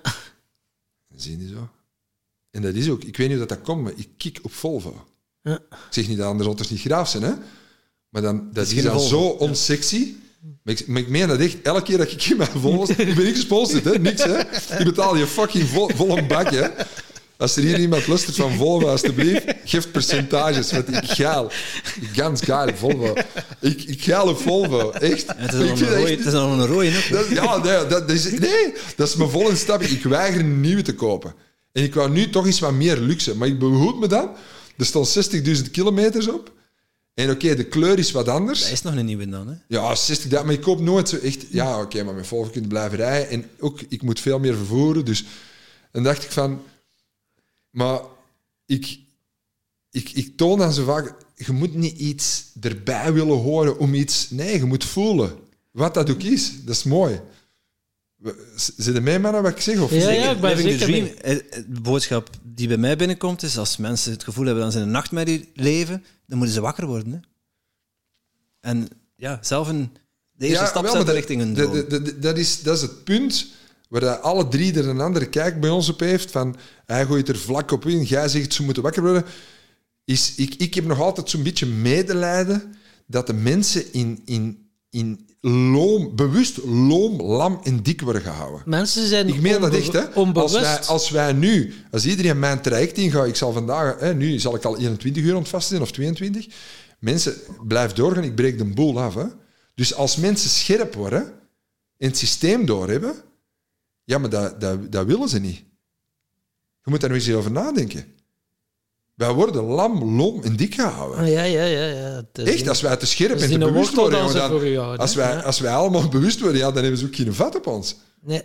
Maar wat ik nu wel merk, ik ben eigenlijk COVID wel dankbaar om dan de wakkere mensen wel elkaar weten te vinden. En de vriendschappen die ik nu al heb, de laatste maanden heb gehad, dat is direct geen oppervlakkigheid meer, maar echt direct die hartsconnectie. Hoe is dat bij u? Merkte jij dat niet? Zo van... Ehm, dat is, jij, jij zegt dat omdat je er juist hebt gezegd dat je in iets negatief iets positief kunt omdraaien. Dat is uw talent. Jij ziet direct naar het positieve wat erin is. Heeft Tom talenten? Hè? Heeft Tom talenten? Ja, ja, maar dat is hè. Hè? dat, is uw, dat, is uw, dat, is uw, dat is uw coaching, dat is uw ding. Ja. Ik, ik ook. Maar, hey, die hebben al twee fucking jaren van mij afgepakt. Hè? En, Ja. en ik weet dat Sergio Herman tegen mij want zeggen: Pieter, hoeveel goede jaren hebben wij nog? Ons beide ouders zijn, zijn gestorven aan, dementie. Wij kijken anders naar het leven. Ik heb mijn vader 2,5 jaar geleden afgegeven. Ik heb de dood van dichtbij meegemaakt. Die heb, ik ben 49. Ook al zegt mijn metabolische leeftijd door mijn levensstijl 34 en voel ik mij misschien 37. Maar die pakken wel goede levens van mij af. Hè? Ah, ah, ik, ik, ik hou ervan om te leven, hè, mannen. Ah, ah, ik hou ervan om eens een een goede feestje te hebben. Hè? Ik hou ervan om, om te reizen. Hè? Ik hou ervan om vrij te zijn. Hè? Mhm. Die pakken twee jaar af van mij. Hè? En als, als je vindt dat dat niet is, sorry, maar dan is uw leven anders dan van van mij. Maar dat is hoe dat ik het ervaar. En, en het is, ik, ik ben mijn eigen constant ont coachen om te zeggen, Pieter, je kunt nog veel. Mhm. Ja, oké, maar het is voor mij toch moeilijk dat ik moet gaan testen om naast mij een hele zieke persoon met een glimlach te zien binnenkomen met een groen vinkje. Ja. Er is constante frustratie wel.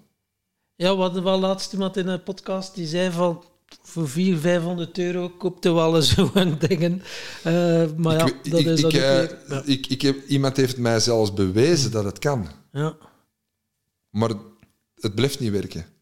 Ja, ah ja, dat is inderdaad ook weer... eh, Ja, en je werkt er ook aan En, mee. en het was eigenlijk, Ja. ik geloofde het niet. Ik geloofde het niet. Ja, ik zou eens bewijzen dat dat kan. En dat kon ook. Hm. Maar langs de andere kant, alleen ja, bedoel, er, helpt er niemand bij. Klopt hè? niet, hè. Ja, Ik, dus hè. niks, dus, dus dat... Maar het, het, is, het is gewoon een, een omgekeerde wereld, man. Hè? De gezonde mensen zijn vandaag niet meer gezond.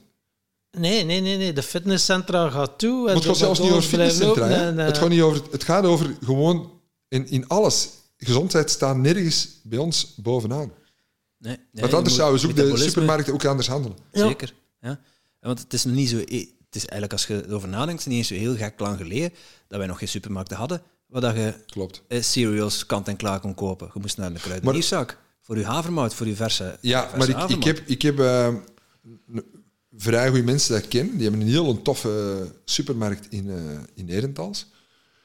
Die zitten er met hun hart en ziel in en die bereiden vers dingen en alles. Dat hoeft daarvoor geen, geen... De wereld hoeft ervoor niet kapot. Integendeel. Door die paar bedrijven die heel de wereld alles vol troep steken, vol bewaarmiddelen, vol E-nummers, vol alles, waardoor wij ziek en dik worden, dik en ziek worden, waardoor dat nu ons eigen dan is de pilletjes geschreven, ons gezegd genezen. Stel je voor dat als, als we terug lokaal gaan, terug puur dat we weten bij welke boer dat we ons vlees kopen. Ja, maar mannetjes, mijn, mijn, mijn blueberries, die worden nooit niet meer slecht. Je moet dat eens checken. Ik bedoel, ik, ik- als ik brood in Nederland haal, mijn brood, dat, dat mag er vijf weken liggen, dat, er is, die komt geen schimmel op. Eh, als we dat eens laten, dat processed fo- food, die, die keten stopzetten, dat we zeggen van oké, gaan we nou eens- is dat nou wel nodig dat iets... Ik maak zo ook zo'n zo'n plant- plant-based yoghurt uit soja en kokos, break the fast. Maar je merkt gewoon dat dat soms een schimmel opkomt. Ja, maar mensen, dat is het beste bewijs dat artisanaal echt puur Ja, gemaakt ja. wordt. Hè? Mijn, mijn iced teas, als je dat laat staan drie dagen, ja, dan komt er een schimmel. Maar dat is de natuur. Hè? Het is niet normaal dat iets zoveel maanden niet, niet, niet moved. Hè? Dus als je dat stopzet, dan kunnen er terug... Hey, jij, en dat is wat er in Ibiza ook wel aan het gebeuren is en op andere plekken. Oh, jij doet de tomatjes. Ah, ik heb de eikjes. Ah, jij doet dat. Hè. En iedereen is zo... eh, ik geloof zelfs in Silicon Valley ook zo self-provided. Dat iedereen wat aan, aan delen is. Hè. Deelcultuur. Ja, er, er, hangen, er zijn heel veel voordelen mee te halen, met lokaal eten. Eh, maar mensen kunnen daar nu al mee beginnen, hè? Tuurlijk. dat Kijk, in de stad Antwerpen is het lastig om een, eh, eh, om een boer te vinden. Allee, het loopt er vol met... Nee, dat mag ik niet Ja, zeggen. inderdaad. Maar eh, daarbuiten, hè, eromheen, zijn er heel veel boerderijen en ja, Ja, maar niks. Er zijn toch heel leuke je- initiatieven ja, wel, dat die bedoel ook op daken ook, ook van alles onttelen zijn en ze er kom aan. Die city, eh, die city, City farming, farms. ja. Ik bedoel, maakt eens iets cool, verdomme. Ja. Ik bedoel, dat was eigenlijk wat ik aan het denken was. Dat ik met Leegstaande panden, ja. Hè? Maar ik- panden waar je sla kunt kweken. En nu worden daar andere Ah, maar in, in Nederland ook. In de straat hè, zetten ze dan zo blokken neer en daar kun je je eigen spinazie kweken en alles. Maar dat was zo dat ik met mijn zoon heb gedaan in de zijstraat van het Schipperskwartier. En daar was ik eigenlijk zo aan het denken, wat hebben we not done? Hè, bedoel, wat we daar nu doen? Toch in je winkelstraat zitten. En vroeger zat ik in een winkelstraat. En toen was ik aan het denken, ik hou ook wel zo wat van het gure dingen van Berlijn. En ik dacht van, eigenlijk is dat wel cool. Een ex-profsporter die met zijn zoon eigenlijk weggaat van de façades, maar gewoon terug naar de de diepte. Ja, maar nee, terug Ja. gewoon naar de puurheid. Ja. Van, hé, wij hebben echt fucking... Wij hebben, als ik mijn, mijn lijstje van B2B-klanten, van horeca-klanten die duurzaam willen... Ik heb echt toppers, hè. Dat, meen ik echt. Ja. Maar anders, van topsporters, ik hoef toch niet meer op een winkelstraat te zitten? Ze weten nu wel te vinden. Hè. Ah ja, ik bedoel, waarom zou ik nou nog toevallige passanten moeten hebben? Ah, is dat de winkel van Larry dan? Nee, jongen. Iedereen die naar ons komt, daar kunnen wij mee babbelen. Ja. Ik hoef dat niet meer. En toen ging ik ook naar Japan. In Kyoto ging mijn, mijn mijn matcha farms bezoeken. En, en, en daar leerde ik ook dat in Japan het niet draait om de façade. Dan denk je zo, wat een krot zeg, die een buitenkant. Ga er binnen en dat is 500 jaar een stiel. Katoen, messen slijpen. Er gaat alles om de essentie, om het pure. Ikigai. Ja, ja, maar dat is daar normaal. Er zit jij van generatie op generatie in diepgang van iets. Er gaat niet over de façade. En hier in de westerse wereld is het omgekeerd. Oh, we gaan een schone winkel zetten. Hè? En voor hetzelfde chakosje gaan we maal 34 draaien. Hè? En iedereen staat in de rij. Dat is toch waanzin? Ja, dat is hè. Je moet er eens over nadenken, zeg. Dan dezelfde zak, mensen niet willen lopen, maar als je hem dan maar toch 40 keer zoveel kunt betalen. Dan moet je eigenlijk eens vragen hoe ver dat gesteld is met de mens. Die dat, dat dan nodig hebben. Om hen goed te kunnen Ja. voelen. Hè. Ja. Dat kleine beetje geluk halen ze daaruit. uit Ongelooflijk. Ja, En dan eigenlijk een heel arm leven. Hè? heel arm leven. Ja, dat is mooi gezegd. Ik zeg dat, ja, dat is een van mijn zinnen ook. Is ik ken heel veel mensen met veel euro's die heel arm zijn. Hè? En ik ken heel arme mensen met weinig euro's, maar die aannoemelijk rijk zijn. En dat is ook niet zwart-wit, want ik ken ook weer mensen die heel rijk zijn, die echt ook een ongelooflijke state of mind hebben. Ja. Dat is dus het is alles. Ja, zit er niet tegenover ons, zit al. Ja. Ja, ja. Daar moet ik over nadenken. een mix van alles. Dat is wel een beetje. Ik ben wel een mix van alles. Klopt wel. Je kunt het niet... eh, maar ik weet niet, is dat zo dat je de mens kunt typeren in... Hij is zo. Ik hou, ik hou wel wat van, van Ze alles. willen dat wel, hè. zo mensen labelen en in hokjes steken, maar elke mens is uniek. Hè. Ja. Iedereen heeft zijn unieke kleur. Maar dat is een beetje onder het stof geraakt, doordat je geconditioneerd bent. Je bent zo geprogrammeerd, tot wanneer dat je terug gaat beginnen afpellen. En dan komt het tot besef, ah oké, wie ben ik nu eigenlijk echt? En dat is dan ook weer met die passie te maken. En ik merk, ja, hier voor mij zit een hele pure mens, dat altijd zijn passie heeft geleefd en dat eh, ja, ook wel door tegenslagen ook wel weer sterker is geworden. Weet En je wanneer dat- ik dat ook geloof dat mensen dat doen? Dat is als ze hun doelen bereikt hebben. Oh, ik wil profsport worden. Oh, ik wil dit worden. Oh, ik wil dat worden. En als je dan alles bereikt, dan beseft je eigenlijk van... eh, Er is die al goed van... Ja, maar wat is je doel nog? Ik, ben, ik leef eigenlijk gewoon een heel rijk leven. Ja. Omdat ik eigenlijk ook wel wat kan doen wat ik wil. Ik heb ook wel bewust zo gezet, hè, online.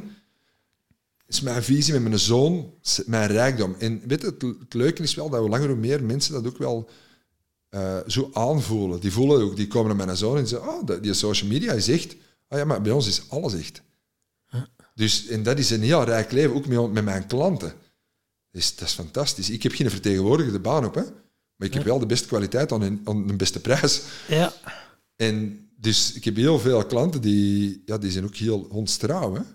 Ja. ja. Je levert wat dat zegt, uiteindelijk. Ja. Je, je koopt ook... Ja, aan de ene kant, oké, je, je verkoopt producten, maar je, ver- je verkoopt veel meer. Hè. En mensen willen ook kopen ook van mensen, van puurheid. Hoe langer, Op- hoe op- meer. En Op die die, zakken sta- op, die, op die zakken staat het ook, het is ook jouw Instagram-profielnaam, ik- geloof ik. Nothing beats love.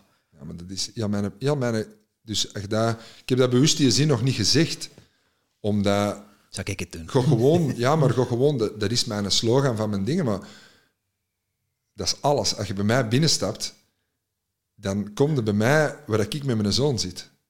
Ja, dat is waanzinnige liefde.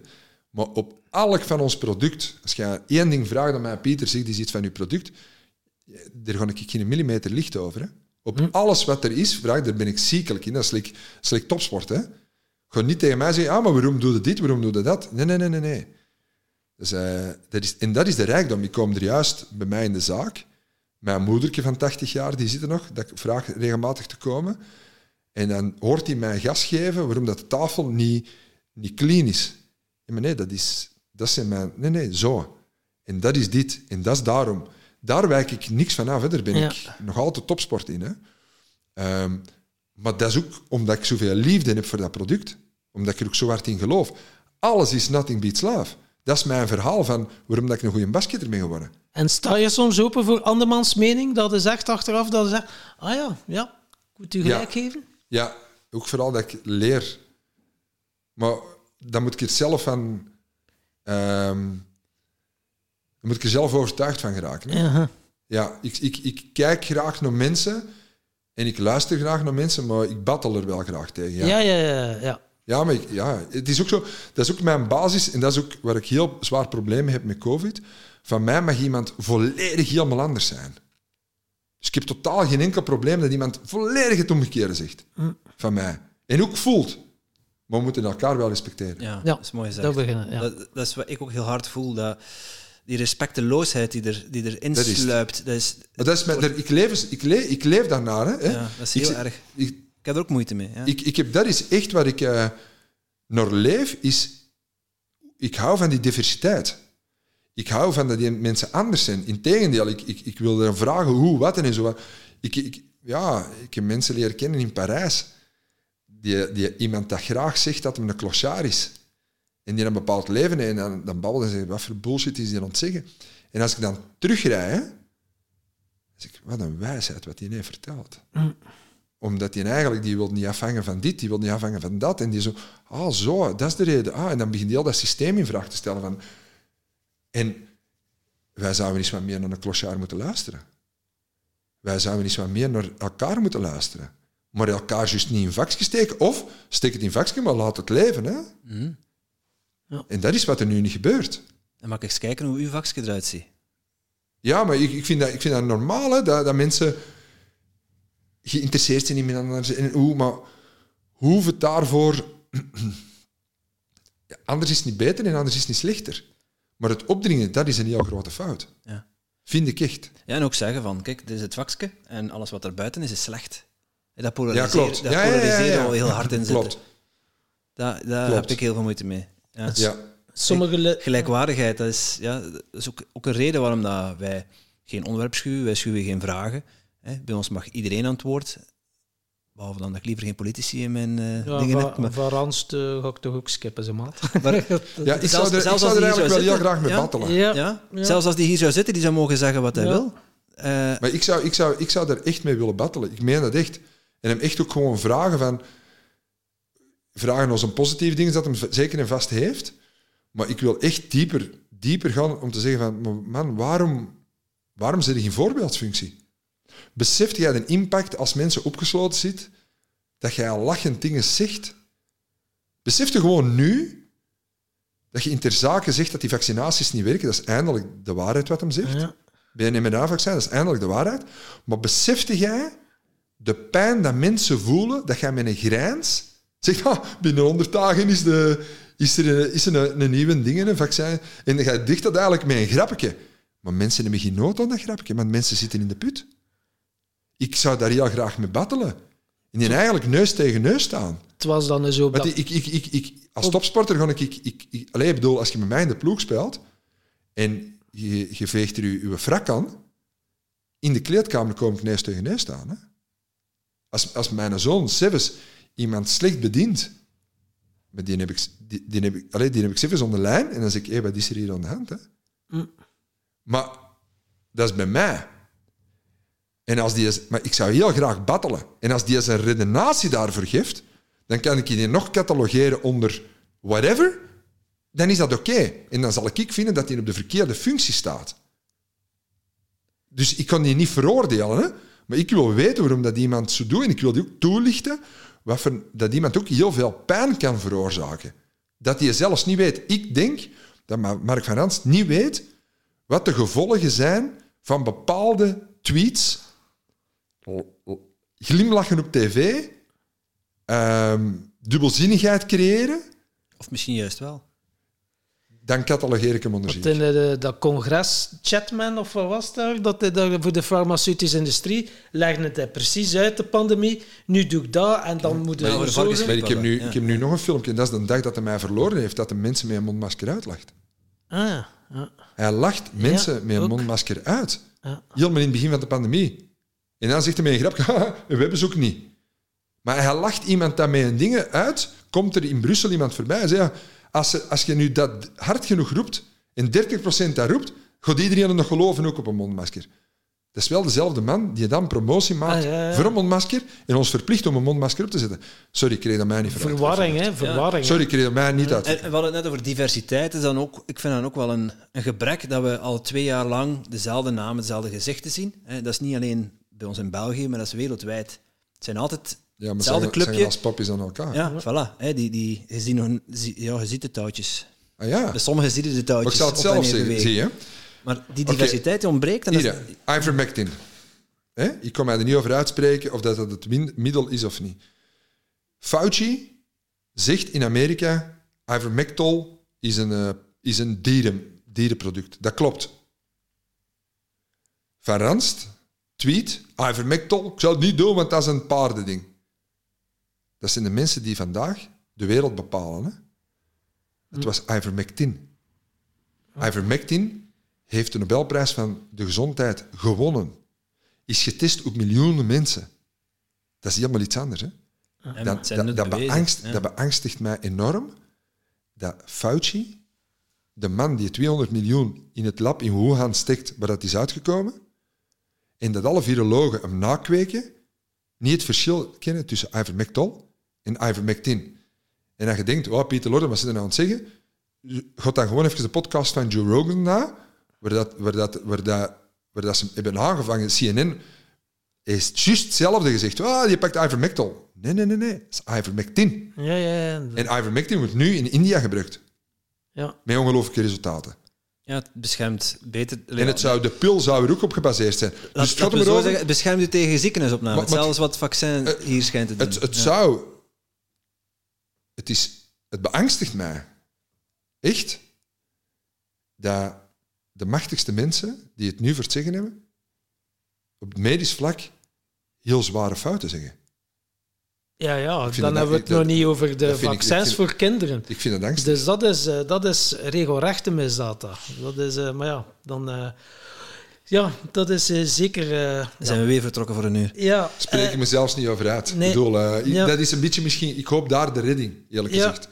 Dat als ze nu de kinderen gaan prikken, dan hoop ik dat zij, die zijn meegaan voor de cause of voor de, voor de medemens, dat ze hun kinderen wel gaan opstaan. Ik ben benieuwd. ja, Van mij mogen ze blijven doordrukken. Hè? Hoe harder dat men gaat eh, stigmatiseren, hoe meer dat een eten naar boven gaat komen. Hè? Ja, maar dat is het uiteindelijk. Maar eh, ik denk nu ook wel, sommige luisteraars die denken, amai, die Pieter Loridon, alles wat dat die naraakt, verandert in goud. Die heeft constant succes. Eh, hoe ga jij om met tegenslagen? Is soms ook keer iets Ik dat wil daar niet... eerst op reageren. Ja, Ik, dat verandert niet in goud. Ik ben tevreden met hout. Waarom? Hout, de, de, de structuur erin. Ik, ik, ik zet bewust in mijn shop eh, stijgerhout. Dat is niet perfect terecht, maar dat leeft. Ik vind iets dat leeft, dat geeft mij een goed gevoel. Ja. Op die dingen ga ik echt wel diep in. Ik ken niet, want ik zou, en ik kan direct de mensen laten zien, ik, ik zou goud kunnen hebben in Dubai en Abu Dhabi. Dat doe ik niet. Maar ik zit op een houten bank met mijn zoon. S morgens om tien uur. Dat is uw goud. Dat is mijn goud. ja maar Dus veranderd in goud is dingen met tegenslagen. Maar mensen, dat heb ik dus straks gezegd, 16 jaar word, word- is mijn grootste vernedering dat ik naar huis gestuurd word in de passie van mijn leven. als, eh, als ze mij afmaken in de media, waar ik niet tegen kan vechten. Eh, in nu, als gezonde mens, met de verjaardag van mijn moeder mogen wij... Allee, waren we allemaal bijeengekomen om te eten met mijn moeder voor de verjaardag. Daarna mag ik niet meer gaan eten met hun, of een koffie gaan drinken de dag daarna, omdat ik niet getest ben. Ehm, is, ik weet niet of ik alles verandert in goud, maar ik, ik leef wel rijk. Ja. En dat, dat heeft niks te maken met geld. Nee. Ik, heb, ik heb een tatoeage hier rechts. En dat is misschien wel mijn grootste rijkdom. Not for sale. Oké. En dat heeft een dochter van een hele goede maat, die begon te tatoeëren, gezegd van, ja, kom, zet het erop. En als het fout geting- is, fout, moet juist zo geschreven worden. Not for sale.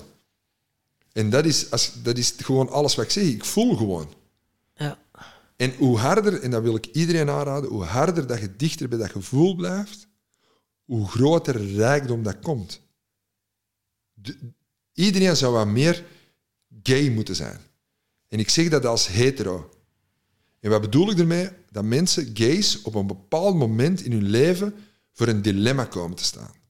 Ofwel springen ze van de brug, omdat ze hun niet gerespecteerd en apprecieerd voelen, als ze niet outen. Ofwel gaan ze zeggen wie dat ze zijn en wat ze voelen. En als je dat doet, dan ga je zien dat er heel veel in je omgeving eigenlijk geen probleem is. En je omgeving verandert, maar dat is diezelfde omgeving. Maar jij moet je eigen outen, jij moet voelen. Jij moet ervoor gaan voor wat je in gelooft. En er heel goed voor gaan.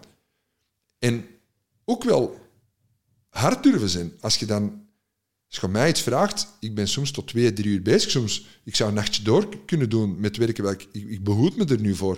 Maar dat is niet werken. Dus doe iets wat je echt voelt. Ja, en dan komt alles vanzelf, denk ik. Dan wordt het fanatiek genoeg. Want dat is ook wel, je moet fanatiek gaan. Hè? Ja, want uiteindelijk ook als je geen plan hebt voor je eigen leven, worden ingezet in andermans plannen uiteindelijk. En dat is ook wel belangrijk. Om zelf een doel te hebben wat, wat dat je wilt creëren. Ja, moet ik over ik- nadenken. Ik denk, denk dat ik eigenlijk altijd mijn eigen ding heb gedaan. Ja, Ze verklaarden mij zot voor een eh, coffee juice bar, takeaway.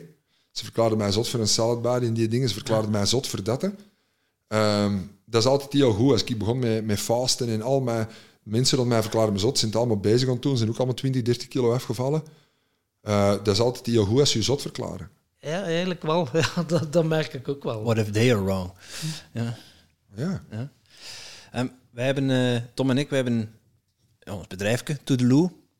Zeg Toedeloe tegen bullshit-gedachten die je tegenhouden om te groeien. Dus ik ben wel benieuwd, welke bullshit-gedachten houdt jou nog tegen, Pieter? Herhaalt die vraag nog eens? Zeg, welke bullshit-gedachten houdt jou nog tegen om te groeien? Als persoon, niet zakelijk. Ehm, ik kon even een tatoeage op mijn lichaam af, eigenlijk. Ik, ik, ik denk echt... De, de, de- ja, die, die is er niet. Ik heb niet dat... Ik heb het allemaal doormaakt. Ik, ik heb het licht gezien. Ik heb... eh, ik, ik, heb, ik heb tegenslagen gekend. Ik heb, als het morgen in worst case een mens... Zeg ik met hand op het hart morgen van mij alles afpakt, dan ga ik nog altijd lachen met mijn zoon. Dat is mijn ingesteldheid nu. Hm. Ik heb het heel moeilijk om nu te volgen in mensen die liegen tegen ons. Of die een fouten niet kunnen toegeven. Ik heb daar heel moeilijk in, maar ik moet met een state of mind leven nu. Die bullshit kun je niet meer afblokken, hè? want mensen bepalen nu waar ik mag gaan en mag staan. Ik, dat is geen democratie voor mij hier. Hè. Dat is, ik, ik heb daar heel moeilijk mee, echt. Maar ik zie de constante dingen, dus dat is mijn state of mind, dat ik, dat ik mijn rijkdom zie, wat er nog altijd wel is. Maar is die er nog wel? Dat vraag ik me vaak af. Ik doe echt dingen, hè, bewust Italië niet op een eiland, omdat ik kan rijden naar daar. Ik ben, ik ben echt stappen aan het maken. Als je denkt dat dit gaat stoppen, en ik hoop tegen dat dat uitgezonden is dat dat wel gestopt is, maar dit gaat niet stoppen. Hè? Dit stopt niet zolang dat mensen, en dat heb ik herhaal, ik herhaal het hier ook nog eens, op Twitter ben, ga ik stoppen met erop te spreken, want al die anonieme mensen die er ontroepen zijn, en ook, ook al zeggen die hetzelfde als mij, het gaat niet stoppen zolang jij je niet uitspreekt op je werk, wat de mensen dan op Twitter onder allemaal trollnamen doen, want ah, ik kan het niet voor mijn werk, ik kan het niet voor mijn, voor mijn familie. Ik, wel, dan zit in de verkeerde familie, dan zit op het verkeerde werk en dan zit het in de verkeerde omgeving. Hashtag uh, kleinbeestje 0073. Wat is dat? Ja, dat is de Twitternaam van die troll die je net noemt. Hè. Ja, maar ik bedoel, ah, ja, maar ik bedoel, waar anonieme dingen, ik ben daar heel gevoelig aan, die, hebben, die bestonden niet en hebben mij heel veel zeer gedaan. Ten tweede, als je niet... Ik moet het op een beleefde manier zeggen. Wie? Ja, omdat, ja, omdat ik toch compassion... Ik heb love en compassion ook getatoeëerd. Dat als mensen nog altijd denken dat ze niet onder hun eigen naam iets kunnen zeggen, dan heb ik er medelijden mee. Hm. Dus ik wil die niet in een hoekje steken. Uh, maar probeer het. Doe het. Hoe erg is het om onder een verdoken dingen onder een Twitter eigenlijk uw mening te kunnen zeggen?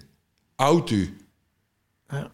Hier mag. En anders gaat het niet veranderen. Het, Onze maatschappij gaat niet veranderen. En ik, ik zie op de fase dat ik wel veel mensen denk, en dat doe ik ook, mensen die mij iets vragen, geef ik, waar ik een slecht gevoel heb, geef ik een slecht gevoel terug.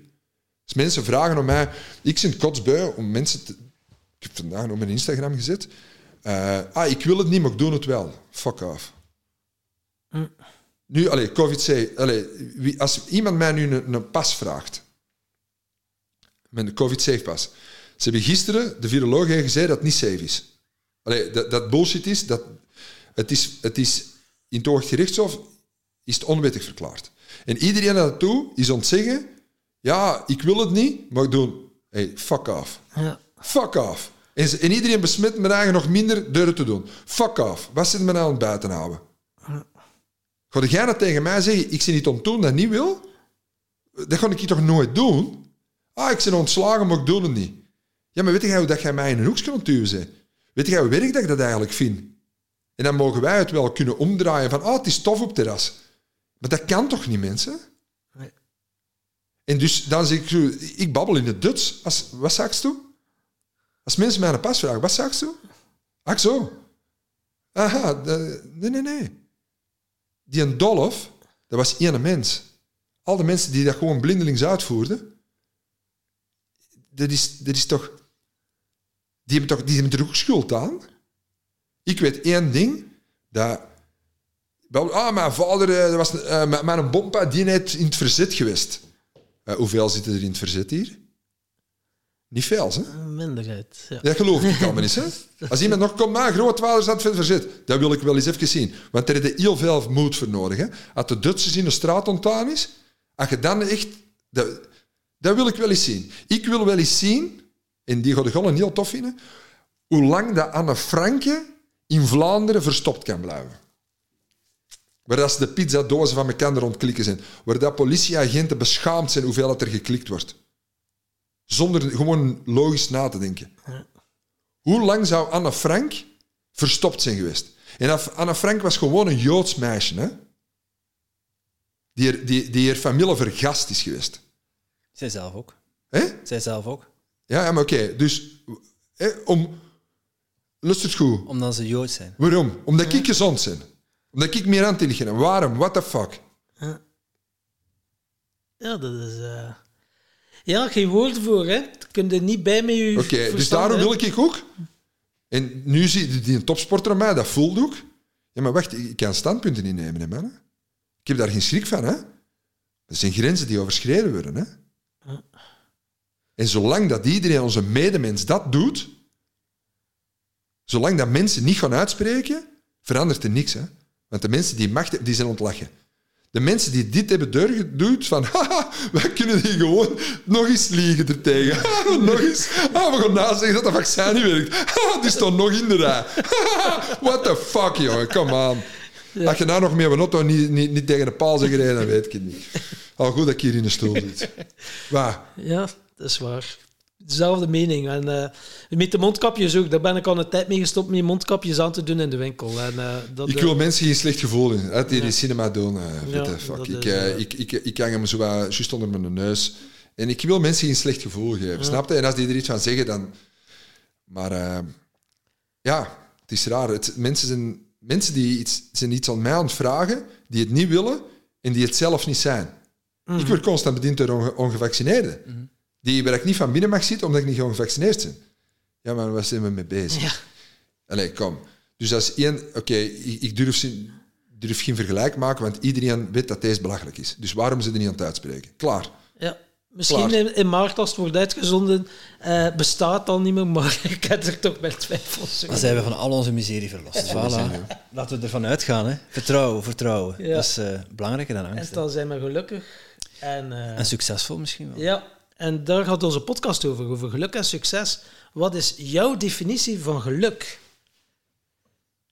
Ja, dat eh, wat ik eigenlijk heel een tijd heb gezegd. Hè. Dat is elke dag, elke seconde kunnen doen wat ik graag doe. Ja, En gezond. mooi. Die twee, dat is alles. Ja. Dus er is niks van mij dat... Of heel weinig dat negatieve energie is. Ehm, dat zit. En dat heeft niks te maken met een auto, met een woonst, met... Natuurlijk, die woonst, waar dat ik ook zit. Ik zal een voorbeeld geven. Ehm, ik ben een gast die eh, liever ergens gaat zitten in, in een tentje dan van mijn principes te moeten afwijken in een, eh, in een luxe villa. Ja. Dat is mijn rijkdom. En geluk, kort en krachtig. Dat is Eh, geluk. Wat is voor jou succes? Hoe zou je dat definiëren? Ik vind dat dat allemaal hetzelfde is. Ik heb het echt heel moeilijk. Ik heb het moeilijk. Ik heb niks moeite om alles te verwoorden, maar nu om te antwoorden op dat vraag, op die vraag heb ik het eigenlijk heb ik het moeilijk, omdat dat, dat, dat is niet één dingetje. Dat is eigenlijk alles van wat ik heb gezegd. Succes, geluk, dat hangt allemaal bij mij vast. Dat is, dat is, dat is hetzelfde zelfs. Dat mag. Ja, dat, dat is hetzelfde voor mij. Ja. Er zijn nog gasten die dat inderdaad eh, onder dezelfde noemer zetten, geluk en succes. Ja, Allee, door ik gelukkig te zijn ben ik, ja, ervaar ik succes uiteindelijk. Ja, Dat is voor iedereen anders. Het is ook een succes om gelukkig te zijn. Hè? hè? Ja. voilà. voilà. Ja. En ik denk dat dat heel belangrijk is. En dan gaat het terug naar die... Ik, ik, ik, vind succes iets gevaarlijk. Mhm. Eh, ja, dat kan. Het ligt aan je definitie natuurlijk. Van Ik kan een voorbeeld geven. Je moet eens zeggen wat je ervan vindt. Shoot. Hier komt een eerlijke Pieter Lordon. Als basketter wil ik succesvol zijn. Dat is een match winnen. Daar geef ik een ellebogen voor. Als jij topscorer bent. En mijn enigste manier is om je een elleboog te geven dat jij er vijf minuten afvliegt, dan geef ik je een elleboog. Ik ben nog altijd een topsporter ook. Hè? Mhm. Ben ik daardoor een toffere mens? Nee. Ben ik met mij dat gelukkiger? Nee. Dat was Brian Lynch dat mij dat ooit zei, de man van Kim Kleisters. Die was bij mij een van mijn zaken. Zei, Peter, jij bent zo'n toffe gast eigenlijk. Ja, je nou... Ik zei, hoe Brian? Ik, heb dat altijd. En wij, ik heb er heel veel tegen gespeeld. Hij zei, Pieter, wat zeg jij nou? De bal was nog niet opgegeven met een losse elleboog. dat was al waarschijnlijk ook uit onzekerheid geweest zijn, dat ik dacht dat ik moest intimideren. Die hadden een goede ploeg. Ze zijn ook kampioen gespeeld. Dus dat is iets heel moeilijk om daarop te antwoorden. Ik kan er niet antwoorden, nog altijd misschien omdat ik als, als topsporter denk van succes is, dat is matchen winnen en kampioen spelen. Ja. Maar er zitten niet, zitten daardoor gelukkig, dat weet ik ook niet. Dus dat is, dat is toch twee verschillende zaken. Ja, Toch ja, wel. succes inderdaad kun je wel meten in sport natuurlijk. Ja. hè. Dat is, Nee, ik ben eh, blijf ja. nog altijd Ja, ja, ja, sport. is, eh, Het is het, ik vind het een heel boeiende vraag, omdat wij hebben al aan ver 120 gasten gevraagd. En eh, wij krijgen van iedereen een ander antwoord, een andere invulling. En dat maakt die hele zoektocht wel leuk. Ja? Ja, straf. Ja. En zeker dat je die eens na, na elkaar zou zitten, naast elkaar zitten. van En dat is dat het eigenlijk niet te definiëren is. Het Of, is heel individueel. Hè? En, en ik denk ook, denk, als we vragen dat nu aan u op dit moment, maar als we dat over tien jaar aan Pieter Loridon vragen, dan krijgen wij, krijgen wij waarschijnlijk een heel ander antwoord. zeker. Als we dat aan Pieter Loridon van 20 jaar geleden hadden gevraagd in uw Dat wil topcarrière, je niet weten. dan Ja. had jij heel duidelijk kunnen wat voor uw succes is. Ja. Ja. Dus is, het is ook veranderlijk en dat vind ik wel En mooi. ik denk ook wel, dat, toch in mijn terecht, dat je overal eens het moeten van proeven om het te kunnen ervaren. Allee, om, om daarna een juiste inschatting van te kunnen Ja. maken. Ik heb echt in de wereld heel goede feesten gehad. In rijkdom gezeten. in, in, in, in, in Banja Luka spelen, waar dat ze met de, met de cola flesjes, kapotte flesjes naar de kop gooien. Ik heb veel meegemaakt in mijn leven. Ik heb in Monaco gezeten, ik heb in Supercan gezeten, ik heb in eh, Como gezeten, ik heb in Ibiza gezeten, ik heb in, ik heb in heel Italië zitten basketten, ik heb in Barcelona, ja. ik heb in Paris Saint-Germain, ik heb, in, ik heb heel veel meegemaakt. Wat toppunt van Ik heb leven. tussen hooligans gestaan, ik heb tussen politiekers, ik heb op de Amer- Amerikaanse ambassade uitgenodigd, ik heb, ik heb alles wat je had, waar ik, de, waardoor ik een juist beeld, een goed beeld kan Ja. En de kers op de taart is hier in Merendree, Alsjeblieft, of all places, in de Tim Tom podcast te gast. alsjeblieft. En niet kunnen antwoorden op wat eigenlijk, op wat eigenlijk is. Dat is de rode draad eigenlijk van heel de podcast. Fucking loser? We gaan even opnieuw beginnen. Oh, Er rest ons nog, eh, nog één ding. En dat is eh, jouw vragen om een vraag te bedenken voor de volgende gast. dat is helemaal klote kust, jongens. ah, maar ik weet niet wie dat is dan. Nee. Nee? Nee. Wat is succes? Dat is te flauw. zeg het eens makker. Dat is, dat, dat is te flauw, die tel niet mee. Die tel niet mee. Hey, ehm, oké. Hu- Oké. Wist je zelf dat je eigenlijk loom, dik en lam wordt gehouden? Ja, ik ga die opschrijven. Wist je zelf dat je... Oké. Ik ben daar echt van overtuigd. We zijn benieuwd naar het antwoord. Mag ik nu eens naar het toilet, mannen? Ja, Dan mag, je moet die broek ook terug aan. Oh, te laat. Tot slot nog iets wat je wilt delen? Hè? Tot slot misschien nog iets wat je wilt delen? Sorry voor de pipi. Over en out. Ciao, fokkers. En jij natuurlijk ook super bedankt om te luisteren naar deze podcast. Voel jij je geïnspireerd? Je zou ons een enorm plezier doen door ons 5 sterren te geven of een review achter te laten in jouw favoriete podcast-app. En wil je geen enkel inspiratiemoment missen? Abonneer je dan op onze podcast of volg ons op social media at Tim Tom Podcast. Oké, dan moet je broek terug aan de Tom. Hè?